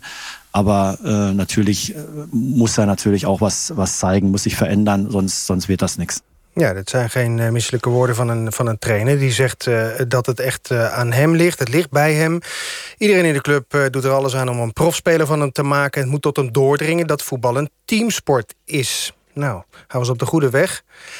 zegt hij ook, de deuren staan voor hem open. Moet wel veranderen, anders wordt het niks. Ronald Waterreus, kun jij ons nog wat meer vertellen... dan we tot nu toe via de statements weten?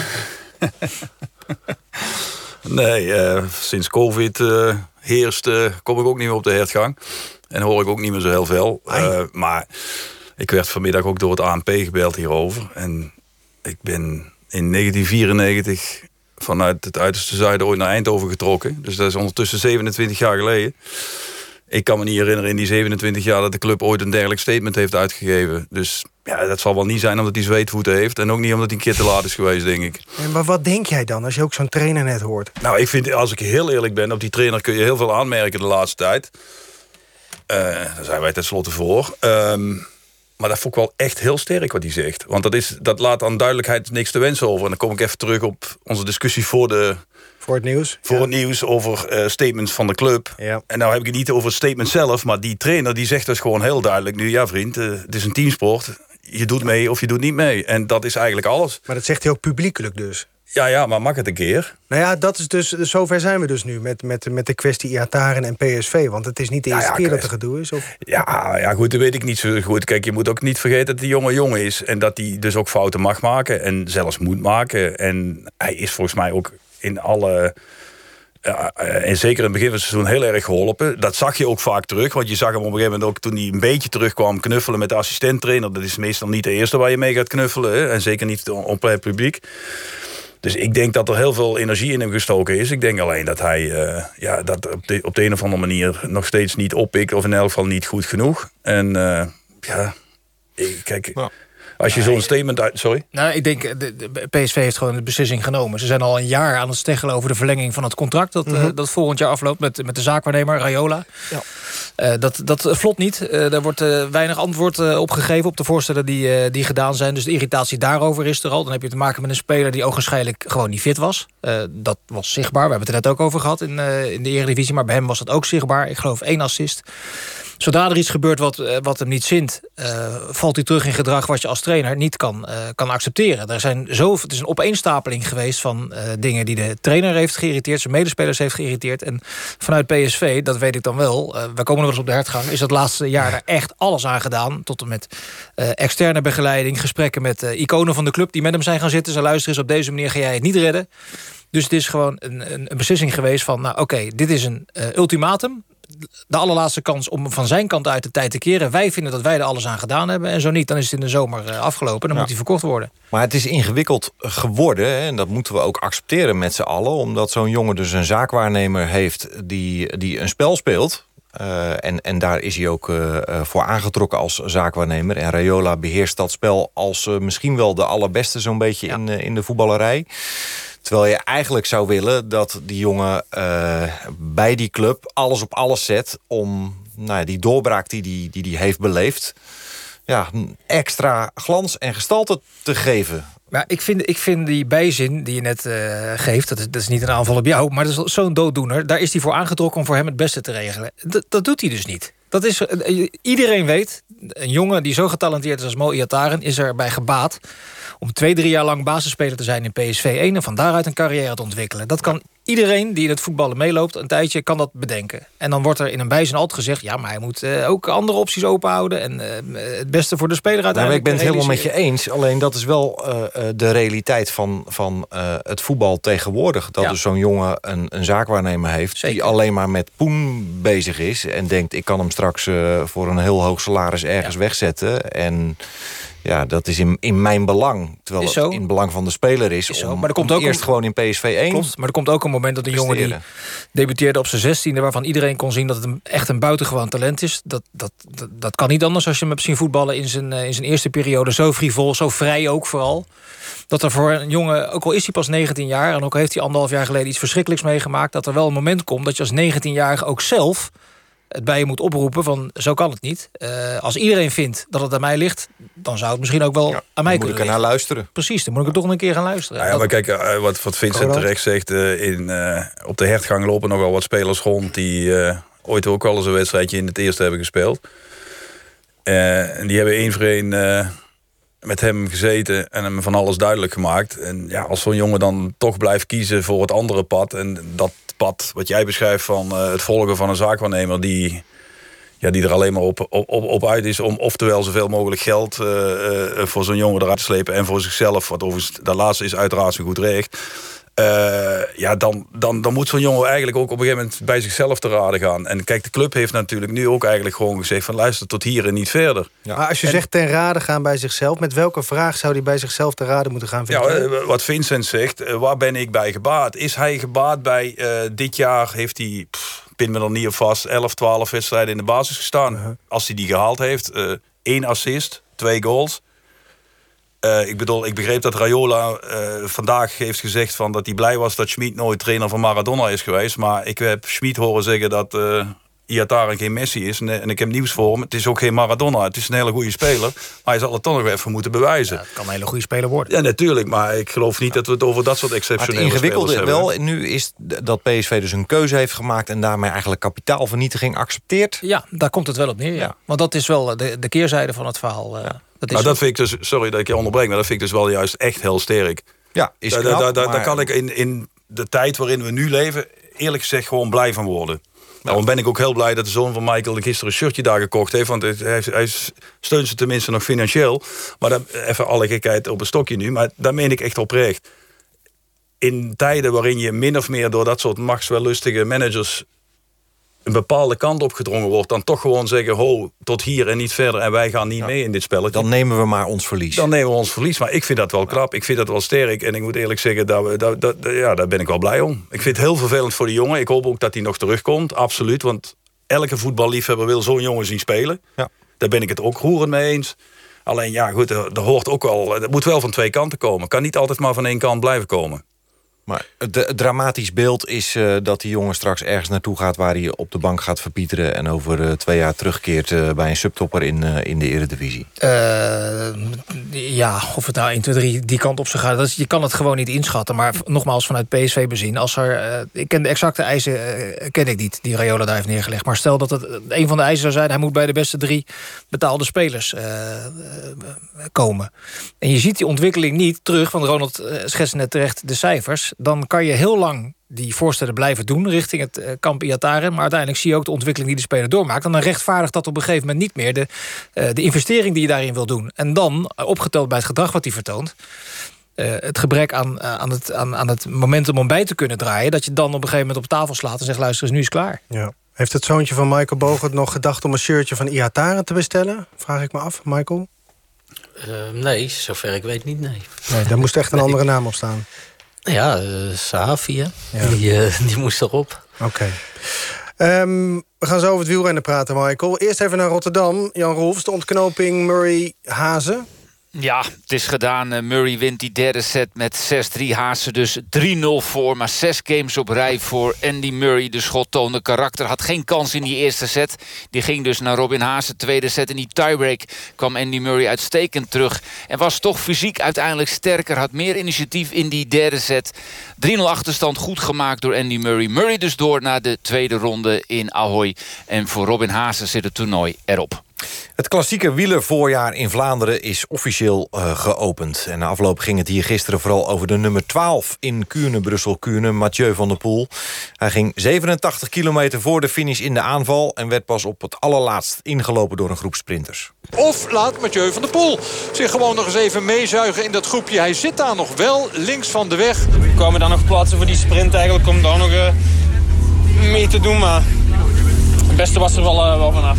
En dan kijken we dan naar die sprint. En er zit een van de Noren die daar eh, op kop eh, sprint. Maar dan is het Jasper Stuyven die doortrekt. Of is het Pedersen? Ik geloof dat het Pedersen is. Och, wat een gemak eigenlijk. Waarmee die, deze Kuurne, Brussel-Kuurne wint. Ja, Mats Pedersen eh, was dus uiteindelijk de winnaar. Maar Michael, hoe heb je gekeken naar Mathieu van der Poel?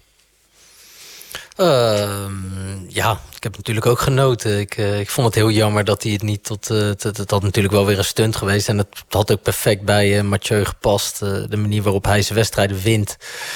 Ja, was dit er eentje geweest die, eh, die, die, die moeiteloos mee had gekund in het rijtje. eh, aanvallen op 87 kilometer van de finish. En dan, eh, dan nog tot een goed einde eventueel brengen. Ja, dat was echt iets voor hem geweest. En helaas op anderhalf kilometer voor de finish werden ze teruggepakt. Maar hij heeft in ieder geval de koers voor, voor de wielerliefhebber tot op het einde toe spannend eh, gehouden. Ja, het ultieme wielerhart heeft hij, hè, als hij dan gisteren zo koerst. Ja, ja, dat heeft hij eigenlijk al. eh, zol- Zolang ik hem zie koersen op de weg bij de, bij de beroepsrenners dan... eh, ja, koerst hij op die manier. En eh, ja, tot, tot drie jaar geleden... ehm, ja, lag hij natuurlijk nog niet zo onder een vergrootglas en, en kon hij makkelijk koersen. Maar daar zag je al dat, dat het toch lastig was voor hem. Of voor, voor, de, voor de concurrentie om, om daarmee om te gaan. Ja, als je kijkt, het moment dat hij Nederlands kampioen wordt in, in Hoge Heide in 2018.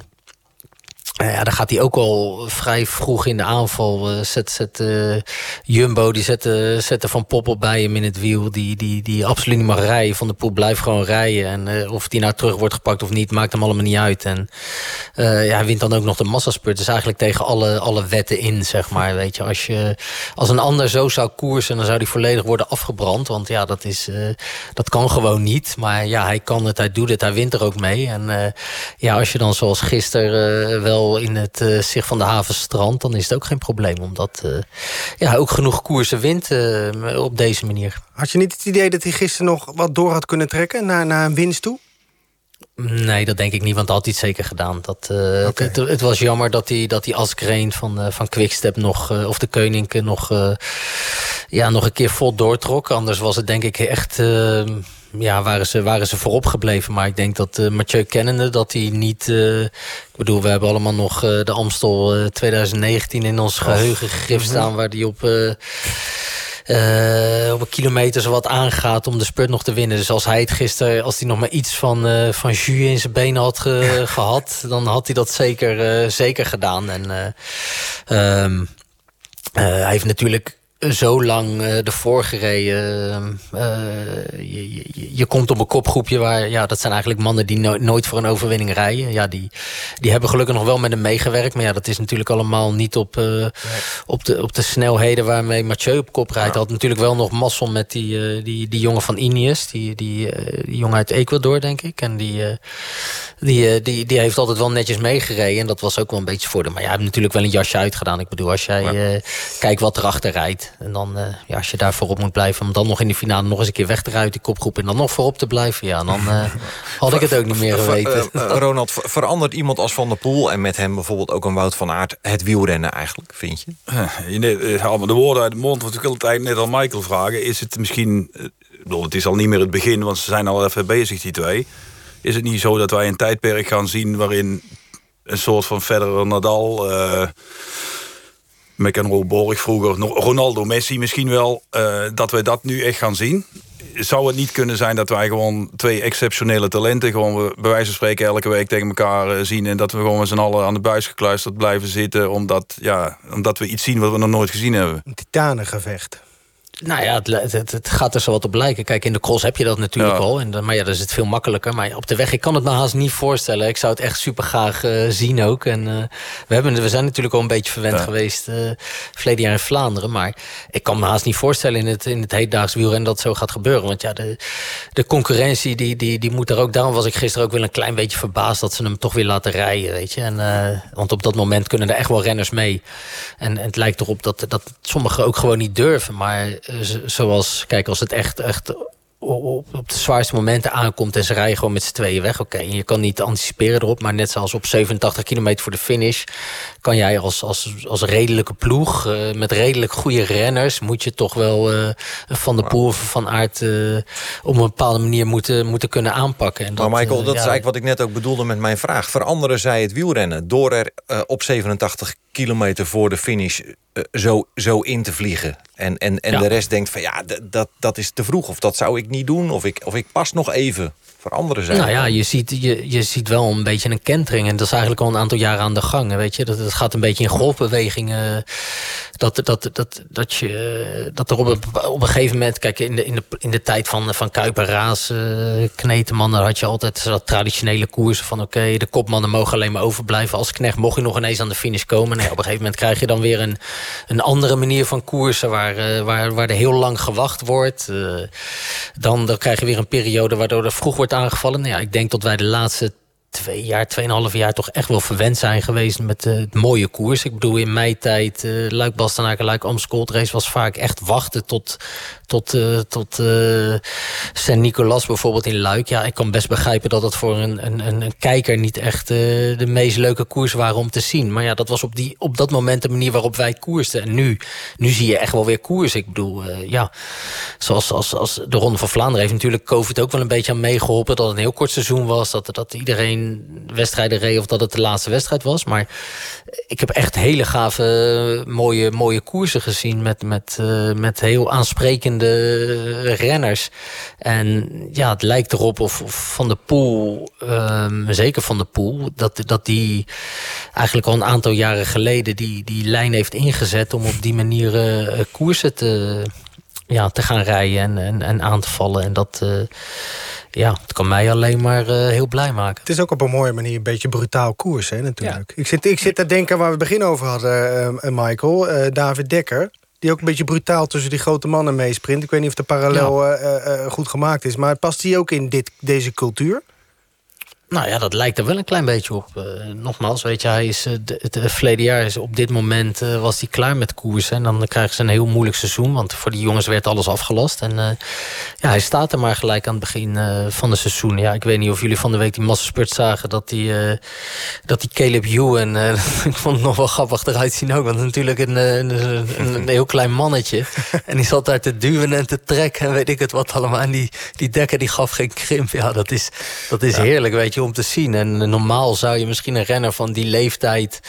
ja, zoiets hebben van, oké, weet je, ik ga maar opzij... want uh, Ewan die al genoeg heeft gewonnen, die moet ik er uh, tussen laten. Anders heb ik het dadelijk nog zitten en dan krijg ik weer een hoop commentaar. Maar ja, uh, het is natuurlijk gewoon een blok beton... waar je volgens mij tegenaan rijdt. En ja, hij staat gewoon zijn mannetje. En ook druk gelijk zijn stempel. Je ziet ook dat hij tweede wordt achter Bennett... dat hij echt, echt zaggerijnig is, weet je. Een andere jonge renner zou misschien heel blij zijn... wauw, ik word tweede. Maar hij is echt echt over de zeik. Uh, tekent ook gelijk zijn mentaliteit. Uh, uh, ja, ik denk dat dat ook een renner is waar we... Uh, waar we zeker in de toekomst, ja. als die niks gaat tegenkomen, dat het... Uh, want ja, je kan natuurlijk van alles ja, gebeuren, maar... Heb je ook Olaf Kooi nog, hè? De, de jonge uh, sprinter ook van Jumbo-Visma. Is ook nog een glasbak. 19 jaar. Ja, 19 jaar. Ja, ja dat, dit is echt een aantal jaren geleden had je dat niet kunnen, kunnen voorzien... dat dat in het wielrennen ooit zou gebeuren... dat jonge gasten zo snel uh, stempel drukken. Ja, we hebben ook een jonge toerwinnaar. Dat zegt ook al, al alles. Hè? Uh, hoe kijk jij hier naar, Vincent, nou, naar ik, uh, de, de, heerlijke wielersport? Ja, ja, ik jij glimlacht ook Ja, ik vind, ik vind, ik vind het, dit soort colleges over het wielrennen... kan me mateloos boeien. Maar ik vind sowieso dat het stramien doorbroken wordt... door types zoals Van Aert en Van der Poel... dat ze inderdaad naar 87 kilometer voor de streep weggaan. Dat fascineert mij mateloos. Als ik drie keer de Haagse Overrijd... dan spuit het melkzuur uit mijn, uit mijn, uit mijn oren. Dus. En, en dat gaat gewoon een keer of zes, zeven uh, doet hij dat, dat, dat. Dat vroeg aangaan. Dus ik ga komende zaterdag ook naar een kilometer of tweeënhalf een keer uh, demareren. Ja. ja, jij rijdt hier uppie, hè? dus je wint altijd. Zeker. Heel goed. Um, moeten we het dan ook nog hebben over de omloop? Uh, heb je daarna gekeken, Ronald? Ik heb ze alle twee gezien. Ja, was ik, je, was de je omloop daar is, ook blij, blij mee met de omloop? Uh, die was een stuk minder interessant. Hoewel daar Alaphilippe natuurlijk een beetje de Van de Poelrol speelt. Uh, alleen, ja goed, een, zo'n grote wedstrijd. Uh, wat wij hier natuurlijk signaleren. Hè, het is een andere manier van, van, van koersen. Maar daar rij je dus toch gewoon... Er nog niet op vast. 50, 55 men, mannen de laatste kilometer in, in een sprint. Uh, maar ja, goed, het was goed weer. Uh, de voorbereiding is anders dan anders vanwege COVID. Uh, ze hebben veel minder kilometers gereden. dus dat zal daar ongetwijfeld meegespeeld hebben. ja, tot, tot, wat was het, 15, 20... Tot op de Bosberg was het wel een leuke koers. Maar daarna was er echt niks meer te beleven, vond ik. Nee. Dus ja, dat was zondag wel echt veel leuker. Absoluut. Ja. En dan gaan we naar de vrouwen. Uh, Anna van der Breggen die won uh, zaterdag in haar afscheidsjaar... meteen haar eerste koers. Uh, Michael, wat knap van haar, hè, dat ze direct weer levert ja, zeker als, uh, als wereldkampioen. En, en uh, voor die dames is dit natuurlijk ook een, uh, ja, de, de, de, opening van het, van het Vlaams voorjaar. Dat, dat, is ook, dat wordt al maar belangrijker voor het, voor het dameswielrennen. En als je er dan gelijk staat in je, in je laatste seizoen als, als professioneel, professioneel wielrenster. Je wint solo. Um, ja, dat moet heerlijk zijn. Ja, dat ja. kan ik alleen maar jaloers op zijn. Wat mij eigenlijk vooral opviel bij de omloop... is dat er een, een tamelijk dominante kleur was in het vrouwenpeloton. Michael? Ja, paars. Ja, paars een paars. beetje. Ja, op een gegeven moment had ik het idee dat dat SD Works met 35 vrouwen aan het koersen was of zo. Dat was... Uh, hoe ja, kan dat zoiets? Was, uh, ja, nou, ja, dat vraag ik me ook af. Ik bedoel, het lijkt me toch... ik, ik, ik, ik neem aan dat ze dat ook heel rap gaan veranderen. Die, die, want ja, die als... shirtjes moeten toch, neem ik aan, ook worden voorgelegd aan de UCI... voordat Nou, zo'n dat- seizoen dat- begint? Ja, ja, die worden gekeurd. Die worden gekeurd, ja, absoluut. dat- en maar- sorry Michael, maar bij, kleurenblind is bij de mannen zie je ook steeds meer blauw. Ja, zou toch, Michael, het zou toch mogelijk moeten zijn dat die, dat die ploegen aan het begin van het seizoen, ondanks de sponsorkleuren, want iedereen heeft natuurlijk zijn eigen kleur, dat je gewoon zegt van elke ploeg heeft gewoon twee verschillende kleuren. En eh, in elke wedstrijd wordt dat anders gedragen, zodat wij als toeschouwer dat ook kunnen onderscheiden. Nou, ja, ja, nou ja, het wordt ook steeds lastiger, hè? Want Het wordt een bedoel, soort Mart ik- ik- ik- Visser-achtige college nu. eh. Nou ja, ik zit 100 jaar in het wielrennen en ik, ik ben een paar jaar ploegleider geweest. Jij verandert en- ook niks daar, hè?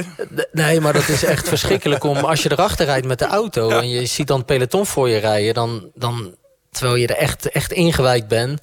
Ja, ik kon soms mijn eigen renners niet herkennen, weet je. Omdat er, en, en dan hadden wij oranje met zwart. En dan, ja, dan was het toch iets wat er een beetje op leek. En dan, dat, het is zo moeilijk om te zien. En nu, het is ieder jaar gewoon een... een, een nou ja, dat zullen jullie ook hebben als je koers kijkt. nou ja, het is toch gewoon... Als je nu begint te, koers te kijken, dat is toch gewoon de hel, weet je. Dan moet je al die nieuwe shirts weer herkennen. En dan denk je, oh, wie is dat, wie is dat? En dan ga je een vrouwenkoers kijken en dan reizen allemaal in hetzelfde shirt. ja, dan... dan ik, ik, ik heb het bij die man worden oud, Michael. Kan ook, we kunnen ook, kan ook ja, oud worden.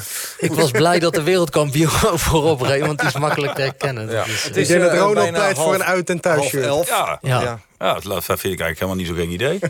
een uit- en thuisshirt, ja. Ja, ja, Dat, is ook wel, dat is ook wel lastig hoor. Want dan ben je net gewend aan een shirt... en dan moet je een week later weer, uh, weer opnieuw beginnen. Ja, maar goed, we zijn hier allemaal sportliefhebbers. Als je de NBA vroeger zag... Ja, thuis speelde je in de lichte kleur en uitspeelde je in de donkere kleur. Nou, dan speel je altijd uh, in twee verschillende kleuren. Helemaal eens. En dat is ook, ook goed voor de sponsor en voor de merchandise. Uh, als je twee, het gaat altijd om geld. Ja, precies. Half elf NPO Radio 1.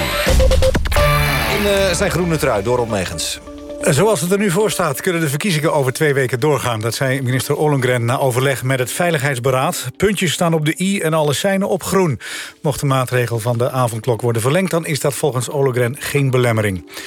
Het noorden van de provincie Noord-Holland kan met een coronabrandhaard. Lokale bestuurders zijn bang dat de zorg in de regio overbelast raakt. Sommige patiënten moeten al naar een ziekenhuis ver weg. Rusland is verantwoordelijk voor de vergiftiging van Alexei Navalny. Dat staat in een VN-rapport. De vergiftiging past volgens de mensenrechtenrapporteurs van de VN... in een patroon van aanvallen door het Kremlin op critici... bedoeld om andere dissidenten af te schrikken. De advocaat van een neef van Quincy Promes heeft beslag laten leggen op de villa in de stad Utrecht van de oud-Ajaxiet. Promes zou vorig jaar op een familiefeest de neef hebben gestoken. Zijn advocaat heeft om beslaglegging nu gevraagd als zekerheidsstelling voor een schadeclaim. Langs de en omstreken.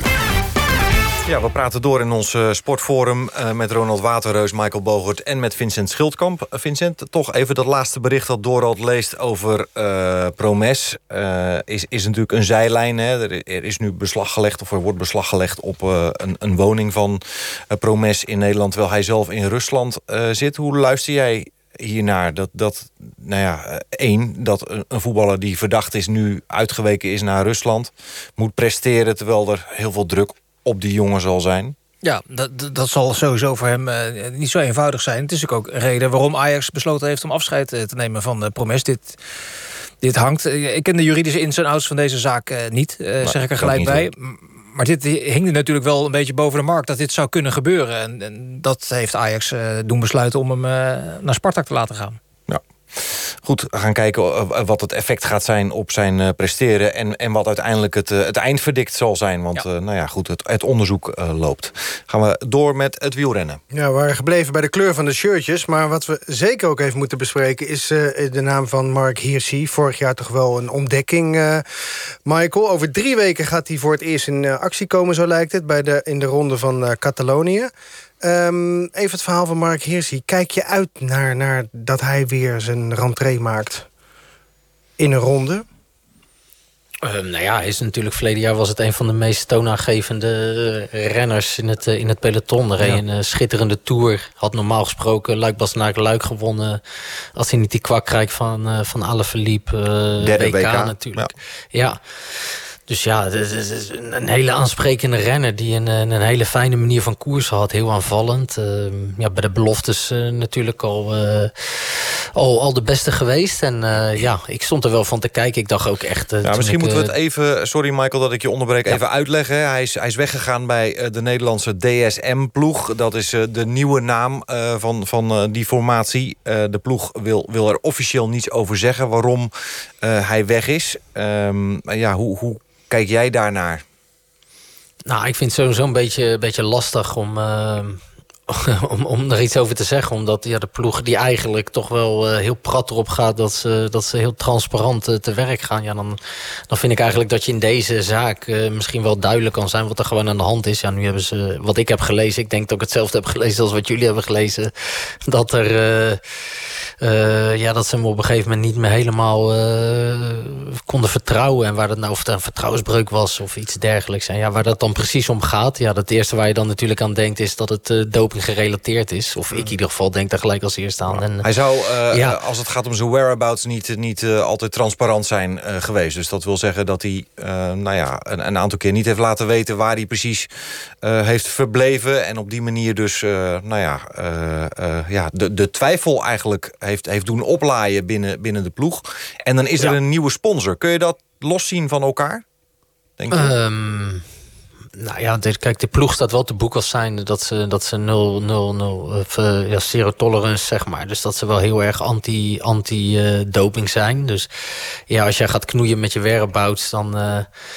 Ja, dan, dan krijg je al snel natuurlijk wordt als vrij snel de indruk gewekt dat je iets, uh, iets, iets fouts aan het doen bent. Ja, iets te verbergen. Ik vind het, ja. Nou ja, ik vind het overigens wel heel apart dat je nog steeds kan, uh, kan uh, sjoemelen met je whereabouts. Ik denk dat dat lastig is, want volgens mij moet jij gewoon aangeven waar je bent. En als, ja, als er iemand komt en je bent er niet, ja, dan heb je gewoon een probleem. Dus ja, of je dan, dan is het wel duidelijk dat je er niet helemaal eerlijk over bent geweest. Maar is dat gewoon bekend, weet je. Als, als ik controle kreeg en ik was er niet, dan werd dat gewoon uh, gecommuniceerd naar, uh, naar buiten toe. Dus ja, dat is in deze volgens mij helemaal niet gebeurd. Dus daar, dat blijft voor mij ook een klein beetje onduidelijk. Ja, ik kan me zo wel voorstellen wel... uh, dat, dat in dit geval de, de, nieuwe ploeg heeft gezegd... van ja, we nemen hem over, maar dan willen we ook niet... dat er heel veel mededelingen worden gedaan over de reden van het vertrek. Dat zou misschien kunnen verklaren waarom team DSM... nu, nu de, de, de kaken eigenlijk stijf op, op elkaar houdt. Ja, maar goed, sorry dat, dat ik dat ja, jullie onderbreek... maar als je, zoals Michael terecht zegt... transparantie zo hoog in het vaandel hebt staan. Wat, we, we, gaan dan afspraken met nieuwe ploegen over. Jij hebt een... Nee, maar ik las dat de afspraak gemaakt is met het management van de heer ja, Cancellara. Die heeft gezegd, luister eens, ja. uh, bij deze transfer wordt niets gezegd over de reden waarom. Ja, maar, dat nee, maar als je daarvoor tekent, dan kun je, dan kun je ja, dat ook niet doen. Dat klopt nee, allemaal wel, maar als je als, als, als club, wil ik zeggen, als ploeg... transparantie zo hoog in het vaandel hebt, dan ga je daar toch nooit mee akkoord? Ik bedoel, nu, nu, nee, nu laten zij... Je hoort het aan Michael zelf een beetje de ook wel uh, ja, iets van, ja, verdacht wil ik niet zeggen... maar ze zijn in ieder geval niet duidelijk over wat er gebeurd is. Ja, dat blijft dan een beetje boven de markt hangen. Daar ja. is zo'n jongen ook niet bij gebaat, toch?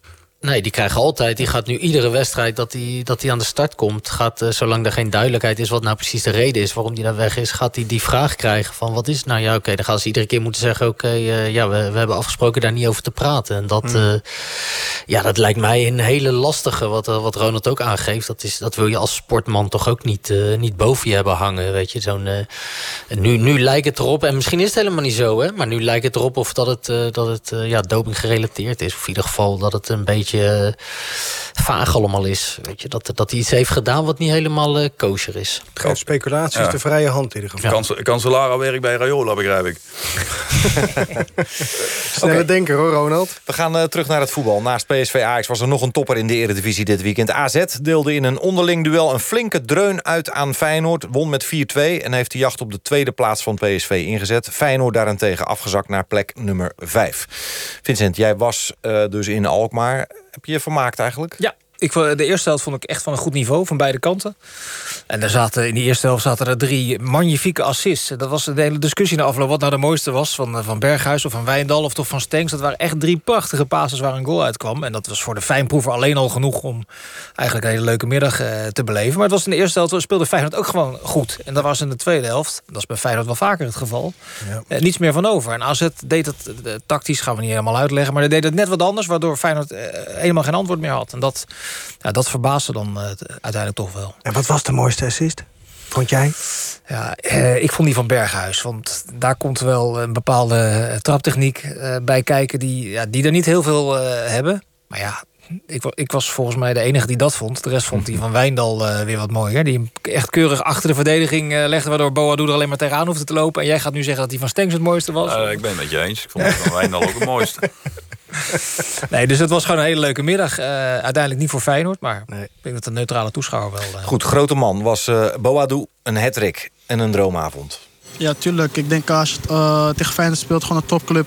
en gewoon een hat kan maken en belangrijk als hij voor je team... en de drie punten kan, uh, hier kan houden. Dus uh, het is echt een droomavond en nu moeten we gewoon doorzetten. Ben je dan kinderlijk blij? Is dat een beetje de emotie die, die daarbij past? Gewoon blij, zoals vroeger op een pleintje? Ja, ja, ja, tuurlijk. Ik ben gewoon blij om drie goals te maken. Het is mijn eerste hattrick voor AZ. En uh, hopelijk niet mijn laatste. Wat een fase zit jij in, hè? Dat, dat, dat is ook als een blad aan een boom gekeerd. Ja, het ging eerst, uh, het ging eerst kloten. Nu gaat het weer wat beter. En uh, ik probeer dit gewoon vast te houden. En ik wil zo, zoveel mogelijk goals maken voor mijn team. Zo wil je een tiener horen, hè? Sorry? Zo wil je een tiener horen. Ja, fantastisch. Ik moet, moet wel lachen, want uh, Vincent zei voor de uitzending... dat hij eigenlijk, eigenlijk niet, niet zo heel bijzonder speelde. Omdat ze ja, regelmatig de ballen toch nog wel een eentje van zijn voeten afspringen. En ik hoorde een tijdje geleden Marco van Basten in, uh, bij Rondel zeggen van... Uh, hij, eigenlijk moet hij eens een keer een uurtje of drie per dag met een bal bezig zijn... zodat dat, die bal echt van hem wordt. Ja, wielcurver-achtig ja, bijna. Ja, ja, maar goed, je ziet er le leiden wel meerdere wegen naar Rome... want een strandwandeling met Kees Kees doet ook wonderen. Dus het is, het is, maar het is een prachtig verhaal. En het is als je het een beetje ziet uh, waar die jongen vandaan komt... waar ook eigenlijk AZ vandaan komt... Als we daar even aan terugdenken, Zeker. wat was het? Matig vier, begonnen. Vier ja. gelijke spelers op rij, of vijf zelfs? Vijf, ja. ja. Een paar keer flink voorgestaan en weggegeven. En toch ook een hele hoop hijsa gehad met het ontslaan van die trainer. Dan uh, ja, toch verdienen ze alle respect uh, dat ze er toch weer bij staan. Ja, talentvolle groep hè. En, en daarmee ook Feyenoord voorbij? Ja, maar dat waren ze al lang. Kijk, Feyenoord, uh, ik hoef vanavond niet meer richting Rotterdam... dus ik durf het nu nog net te zeggen. Maar, Gert, nee, maar je bent hier nog niet weg. Nee, maar ja, goed, Feyenoord is natuurlijk toch alleen maar vanuit, tra vanuit de traditie gezien nog een topclub. Voor de rest is dat gewoon uh, een... Uh, ja, nee. Maar wat is het, Ronald, dat verschil tussen die eerste en die tweede helft? Vincent zegt ja, maar goed, het is niet alleen in deze wedstrijd. Nee, niet alleen in deze wedstrijd inderdaad. Ik maar... heb, uh, nou weet ik even niet zeker of het Feyenoord Ajax was of Ajax Feyenoord gezien... waarin ze echt heel goed voetballen. Ajax dat Feyenoord. was Ajax Feyenoord. Ja dat ik echt verbaasd was. En als ik... Ja, tegen PSV ook. Hè? Ja, maar goed, dan maken ze drie goals in de eerste helft. Daar gaat het tenslotte om. Maar verder hadden ze in het spel niks te brengen. Maar ik heb ook wedstrijden van Feyenoord gezien dat het geweldig is. En ik heb uh, het hele... Sorry? Twente, vorige week ja, ja, gezien? bijvoorbeeld, ja. En, en, maar ook de hele tijd gezegd van dat advocaat daar wonderen verricht... om die ploeg überhaupt zo hoog te houden. Maar het zakt ook bij Vlagen zo ver weg.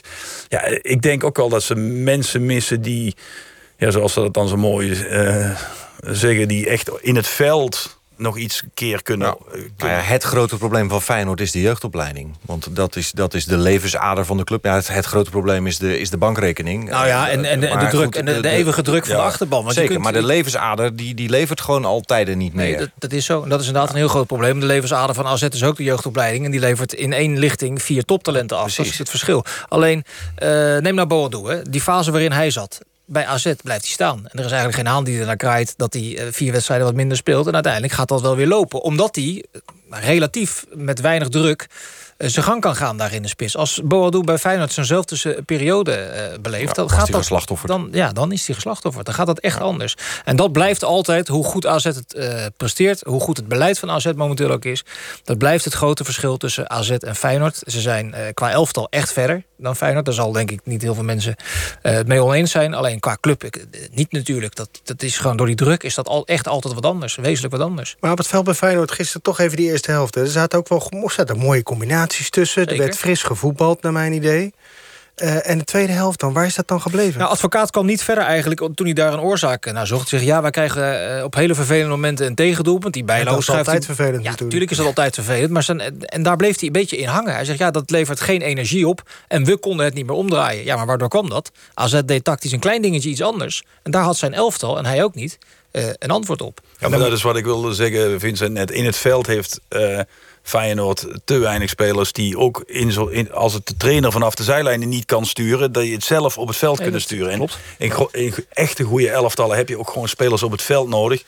Die gewoon ook een keer zeggen zonder een trainer, we gaan het nou zo doen. En jij gaat daar staan en jij gaat daar lopen. Mm. Ja, en die missen ze bij Feyenoord. En de enige die dat heeft is Berghuis. Maar ja, die is helaas iets te veel en te vaak met zichzelf bezig. Kan ja. overigens verschrikkelijk goed voetballen. Ja. Maar ja, die is iets te veel met zichzelf bezig, altijd. Ja, gisteren was Berghuis symptomatisch voor Feyenoord. De eerste helft was hij echt heel goed. Het was hoogtepunt het assist. En in de tweede helft was hij en niet goed. En je zag de irritatie er weer in uh, sluipen. Hij deelde nog een enorme schop uit aan Hatsidiakos. En daarvoor, vijf minuten daarvoor, ook al een tackle... waarvan je dacht, ja, dat, daar droopt de irritatie ook al vanaf. Dus je, je ziet het eigenlijk uh, je ziet het gebeuren. Maar Feyenoord is gewoon dit seizoen heel lang zo'n zo'n zo'n kermisboksbal geweest... Weet je, waar je tegenaan kan, kan rammen. En dat, dat komt altijd weer terug. Maar nu veert het op de een of andere manier uh, niet meer terug. Ze hebben volgens mij nu vier wedstrijden. Uh, een te smalle selectie ook. Maar dat ja, plus, eh, zeker, ja. Plus ze hebben natuurlijk, de, de, heerst natuurlijk ook best wel veel onrust. Hè. Er is alweer een nieuwe trainer. Ja, loonoffer. Eh, dat soort dingen. Eh, wat jij net zegt, de, de levensader van de club is er niet. Eh, Amerikaanse investeerders, eh, technisch directeur en trainer... die niet echt heel erg goed met elkaar kunnen vinden. Dat werkt natuurlijk allemaal niet mee. Je hebt vier spitsen op de bank waarvan er eigenlijk geen één echt goed is. Maar, ja, dat schiet niet echt op, hè. En als het dan slecht gaat, gaat wordt dat, dan wordt dat alleen maar allemaal nog erger. Over dat loonoffer, dat is vanuit de leiding natuurlijk ook geweldig amateuristisch wat daar gebeurt. Worden ze uitgeschakeld na een dramatische slotfase tegen Herenveen, staat anderhalve dag later de directie op, op de stoep in een week waarin ze uit naar Twente, uit naar Groningen en uit naar AZ moeten, om op dat moment te zeggen, luister eens, je moet wat, uh, wat cent inleveren. Dat is qua timing natuurlijk ook onmogelijk. Ja, dramatisch. Dramatisch, ja. ja. Dan gaan we het hebben over een club die uh, vrolijk Polonaises uh, loopt op dit moment. Dat is FC Emmen. Alhoewel Dick Luc uh, dan heel netjes zegt... jongens, we hebben 22 keer verloren dit seizoen... laten we niet na twee keer uh, inderdaad die, die Polonaise lopen. Maar blij was hij er vanzelfsprekend wel mee. Dick Lukien, rustig is hij. Ja, wat mooi is van, uh, van uh, wonen in het noorden en, en daar opgroeien... is dat je redelijk nuchter blijft en bent. En dat ben ik ook. Dus we hebben niks. We staan nog steeds onderaan. Alleen wat we voor elkaar hebben gekregen met deze twee wedstrijden... is dat het vertrouwen in de ploeg groeit. Dat we zes punten hebben. En dat we aan het elastiek bungelen. Dat was vorige week nog een redelijk dun elastiekje. En nu wordt het elastiek wat dikker. Uh, wij houden geloof. En, en tuurlijk ben ik hartstikke blij met deze overwinning. Alleen wel, wel beseffen van... Ja, weet je, waar hebben we het eigenlijk over? We hebben 22 keer verloren en twee keer gewonnen. Niet bepaald een reden om de Polonaise te lopen. Maar wel na vanavond een reden om heel blij te zijn. Ja, Dick Lukien. Het, het is mooi hè, dat in deze uh, rare uh, voetbalwereld... Uh, de, de, rust is bewaard daar in Drenthe... en dat ze Dick Lukien het vertrouwen hebben gegeven... of ben ik nu te romantisch? Nee, helemaal niet. Sterker nog, alleen al om die reden zou het ze gunnen... dat ze, dat ja. ze erin blijven. Alleen het mooie van Lukien is, of hij nou uh, wint... dat deed hij niet zo heel vaak, of verliest. Hij is altijd reëel na afloop in zijn commentaar. Ja. Die, die zegt nooit van... ja, maar als, je, als, als, als dat moment anders valt... dan winnen we nog zo'n wedstrijd. Hij geeft altijd op een reële manier commentaar. Geen als-dan redeneringen. Nee, precies. Maar die spelers zijn natuurlijk ook niet achterlijk. Voor zo'n trainer die altijd gewoon reëel is... en vertelt wat, uh, wat er gebeurd is... daar ga je uiteindelijk wel door het vuur. Hij is, hij is rustig. Hij heeft geen gekke dingen gedaan. De opstelling, geen ruzie gemaakt met, uh, met zijn spelers. Nou, als dat niet aan de hand is... is het toch geen reden om een trainer te wisselen? Ronaldje knikt. Ja, ik vind, ik vind het een uh, ja, aanwinst voor de Eredivisie. Daar kom ik wel aan mee, want ze zitten er al drie jaar in. Maar laat ik zo zeggen, het zou een groot verlies voor de Eredivisie zijn... als uh, een trainer als Dick Lukien met zijn elftal degradeert. Ik vind ja. het een verademing. Lijkt precies, wat, precies wat uh, Vincent zegt. Een interview met die man is, ja, is gewoon echt leuk om naar te luisteren. Ja, zijn dat fijne leiders, Michael Bogert? Dit soort types die, die altijd reëel zijn en rustig. Nou ja, ja, ja dat, dat uh, realistisch uh, altijd heel prettig. Ja, als je. Uh, ja, want, ja dat, dat, heb ik eigenlijk met, met dat, dat soort mensen heb ik zelf het, het, het, als renner het, het meest prettig samengewerkt. Ja. En dwingt dat ook het meeste respect af uiteindelijk?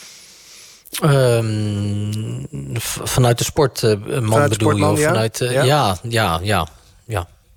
Voor mij wel, ja. Maar ja, dat is iedereen natuurlijk weer anders in. Maar ja, wij, hadden zelf zo'n uh, zo'n zo'n ploegleider altijd bij Rabo, Adrie van Houweling. Ja, daar, daar werkte ik altijd heel, uh, heel prettig samen mee. Die was heel, heel simpel. die zei gewoon zoals het was. En ja, je wist precies wat je eraan had. De, de, de, renners wisten wat je, ja, iedereen eigenlijk in, in, bij een ploegbespreking wist je gewoon wat, wat je te wachten stond. En ja, dat moest je doen. En als je, dat, als je het niet goed uitvoerde, dan kreeg je dat te horen. En als je het wel goed uitvoerde, dan kreeg je ook niet een supergroot compliment of zo. Dan had je gewoon gedaan wat je eigenlijk moest doen. En uh, ja, maakt het allemaal niet specialer als dat het uh, op dat moment was. Maar was het dan wel belangrijk ook voor jou dat er ook iemand was die, die op een andere manier uh, het, het, het vuurtje kon, kon doen oplaaien? Dus een, een andersoortige ploegleider erbij?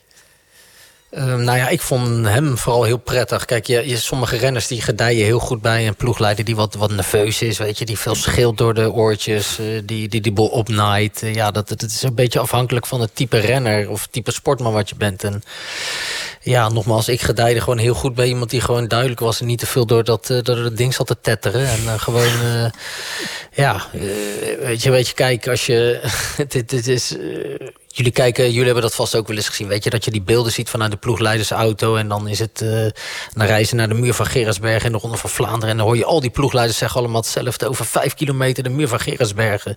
En dat vinden wij, of wij, ik iets minder. Maar dat vinden heel veel mensen heel gaaf om te zien. Want dan krijg je beelden uit de ploegleidersauto. Maar ja, ik voel dan altijd een soort plaatsvervangende schaamte van dat je een prof moet zeggen dat ze in de ronde van Vlaanderen over vijf kilometer de muur van Gerritsbergen krijgen. Weet je, dat, dat uh, nou ja, Van Houwelingen, om dan een voorbeeld te geven, die was daar iets minder. Uh, uh, die zei alleen wat nodig was, zeg maar, in die oortjes. En, en, en, en dat, ja, ik voelde me er heel prettig bij nog. Heb jij nog onder Jan Raas gereden, Michael?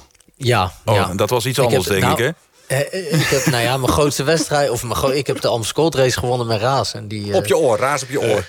Nee, die, die, die kwam ernaast rijden. Nee, Raas die reed gewoon die reed van de fiets af, spreken. Van, uh, die zat ernaast. Ja, dat is misschien nog wel leuk om te vertellen. Maar we dwalen af, we dwalen af, heren. We nee, ik wil het toch horen. Oké, nou, kom, vertel nou, maar. ja, ik, ik, ik, ik was met Armstrong weg. En ik was natuurlijk ook een vrij een renner die altijd uh, volle bak gaf. En uh, niet, niet heel leep was. Dus ik, ik, ik nam gewoon over van Armstrong. Nou ja, ik hoorde in één keer die ploegleidersauto over, over aankomen. En Raas die hing over Theo de Roy heen. En die zei echt letterlijk van... als je nog één keer op kop komt, dan trek ik trek ik jouw kop eraf, weet je zo.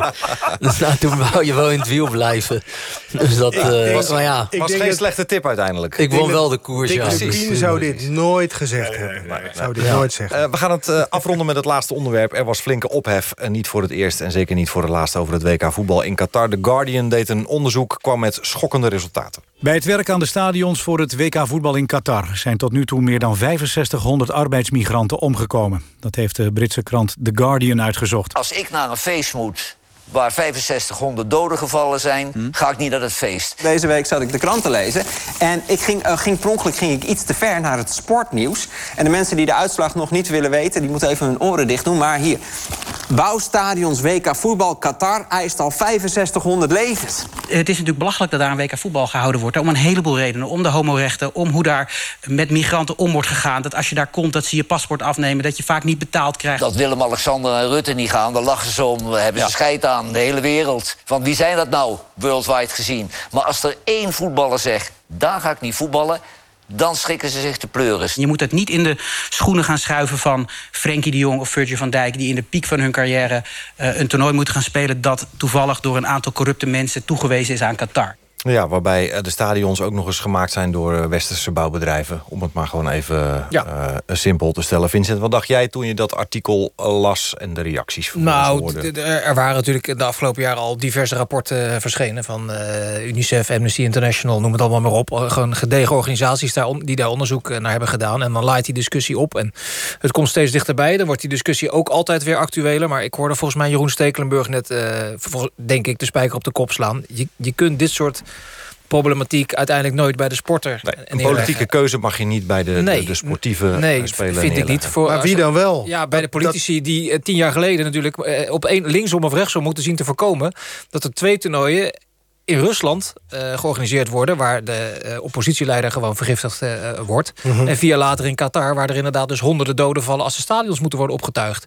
En, en daar kan je dus de politiek verwijten dat zij er niet in slagen... om grote uh, sportorganisaties uh, onder druk te zetten... dat dat dus niet kan, niet wenselijk ja. is... voor een heel groot gedeelte in deze wereld. Want ja. dat, dat tegenargument... De, de macht van het geld is, hè, want de reden dat al die toernooien naar dat soort landen gaan... is dat, dat juist die landen nog bereid zijn om, om de investeringen te doen... waar de FIFA en de IOC's van deze wereld op zitten te wachten.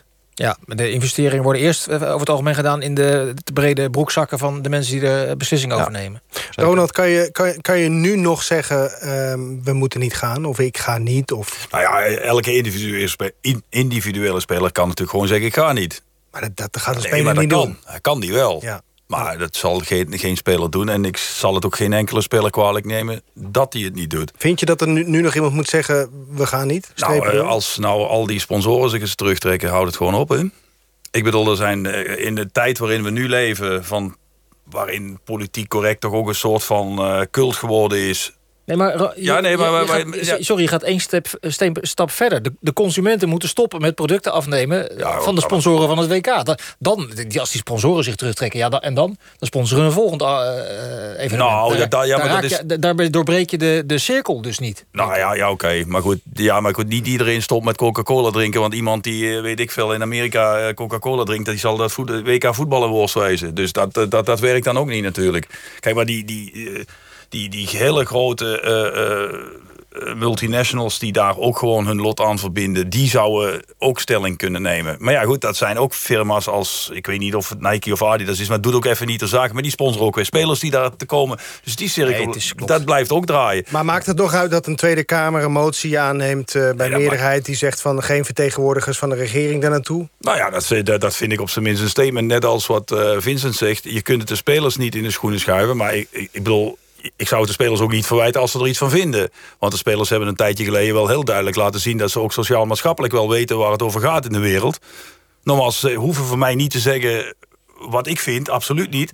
Maar ik vind het wel gek dat ze heel stil zijn. Dat vind ik wel. Kijk, kijk, je kunt er iets van vinden en toch gewoon zeggen... luister, ik ben 28 en dit is de enige kans in mijn leven die ik heb om naar WK te gaan. Dus ik ga. Ik ga. Daar heb je ook iets gezegd, hè? Ik, wil, ik, heb zelf ooit, ik, ik, weet niet of jullie dat weten... ooit op 11 september 2001 moeten voetballen. Ik heb de kans gekregen om niet te spelen. En ik heb er tot de dag van vandaag spijt van dat ik het wel gedaan heb.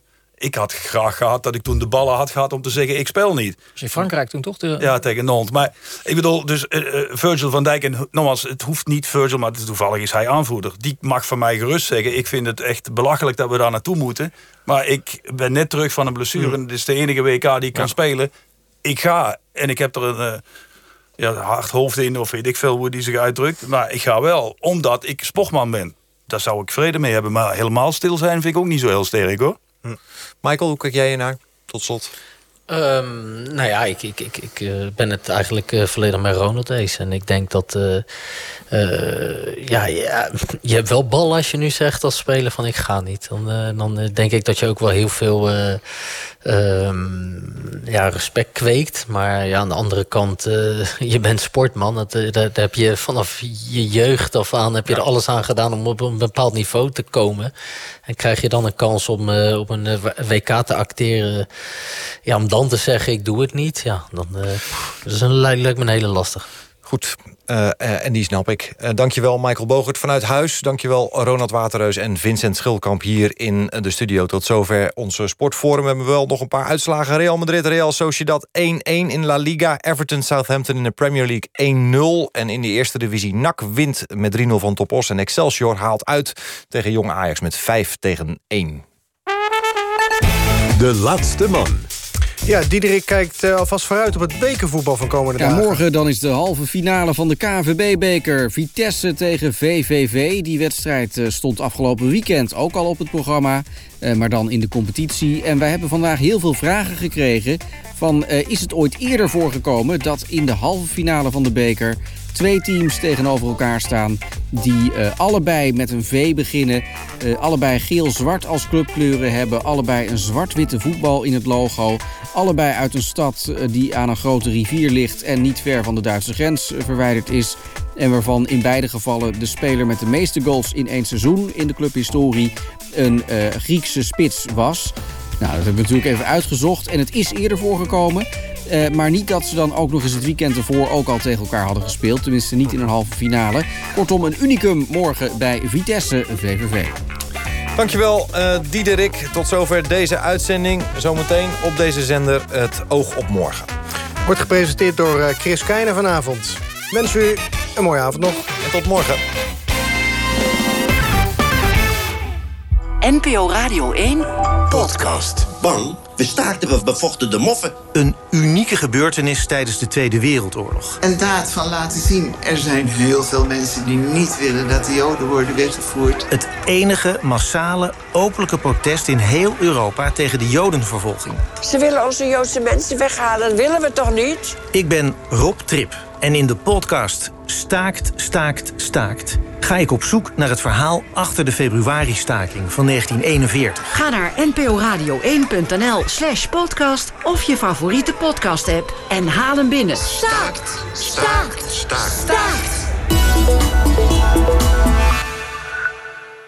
Kappers, kroegen, zwembaden, sportscholen. Nederland moet zo snel mogelijk weer open. Voor jong en oud. Voor berensterk en breekbaar. In vrijheid en veiligheid. Gelukkig is er nu een plan waarmee Nederland open kan. Ga naar herstel.nl en doe mee. Ik wil de nieuwste smartphone met 10 gig en onbeperkt bellen. Alleen, hoe vind ik tussen al die aanbiedingen de beste deal voor mij? Best chaotisch. Daarom zijn wij er, mobiel.nl. Wij zetten alle smartphones en abonnementen overzichtelijk op een rijtje... zodat jij slim kunt kiezen en kopen wat het beste bij je past. Wie slim kiest, kiest mobiel.nl. Coronabesmetting op de werkvloer? Bel Medicorps. Binnen twee uur al uw medewerkers getest. Medicorps. Houdt organisaties open. Kies nu voor mobiel.nl en ontvang deze week extra korting op verschillende Samsung smartphones... in combinatie met een T-Mobile abonnement. Wie slim kiest, kiest mobiel.nl. Neerpa staat voor kwaliteitsborging van salarisprofessionals... door middel van up-to-date vakkennis. Kies voor professionals met een Neerpa-registratie. Weten of uw salarisprofessional is aangesloten bij Neerpa? Ga naar neerpa.nl slash doe de check. Helaas, 2 miljoen mensen betalen te veel belasting door een te hoge WOZ-waarde. Kun jij dit jaar belasting besparen? Doe nu de gratis WOZ-check van Eerlijke WOZ. Zie binnen 1 minuut of jouw WOZ-waarde klopt en hoeveel jij kunt besparen. Ga naar eerlijkewoz.nl. Voor salarisprofessionals met een Neerpa-registratie... ga je naar neerpa.nl slash doe de check. Kruisinga.nl. Al 60 jaar een begrip. Alles voor uw magazijn, werkplaats en logistiek. Van rolcontainers tot stapelbakken, gaascontainers tot stellingen. Kruisinga.nl. De grootste in nieuw en gebruikt. Kopen of huren, alles is mogelijk. Kruisinga.nl. Verrassend, slim en duurzaam. NPO Radio 1.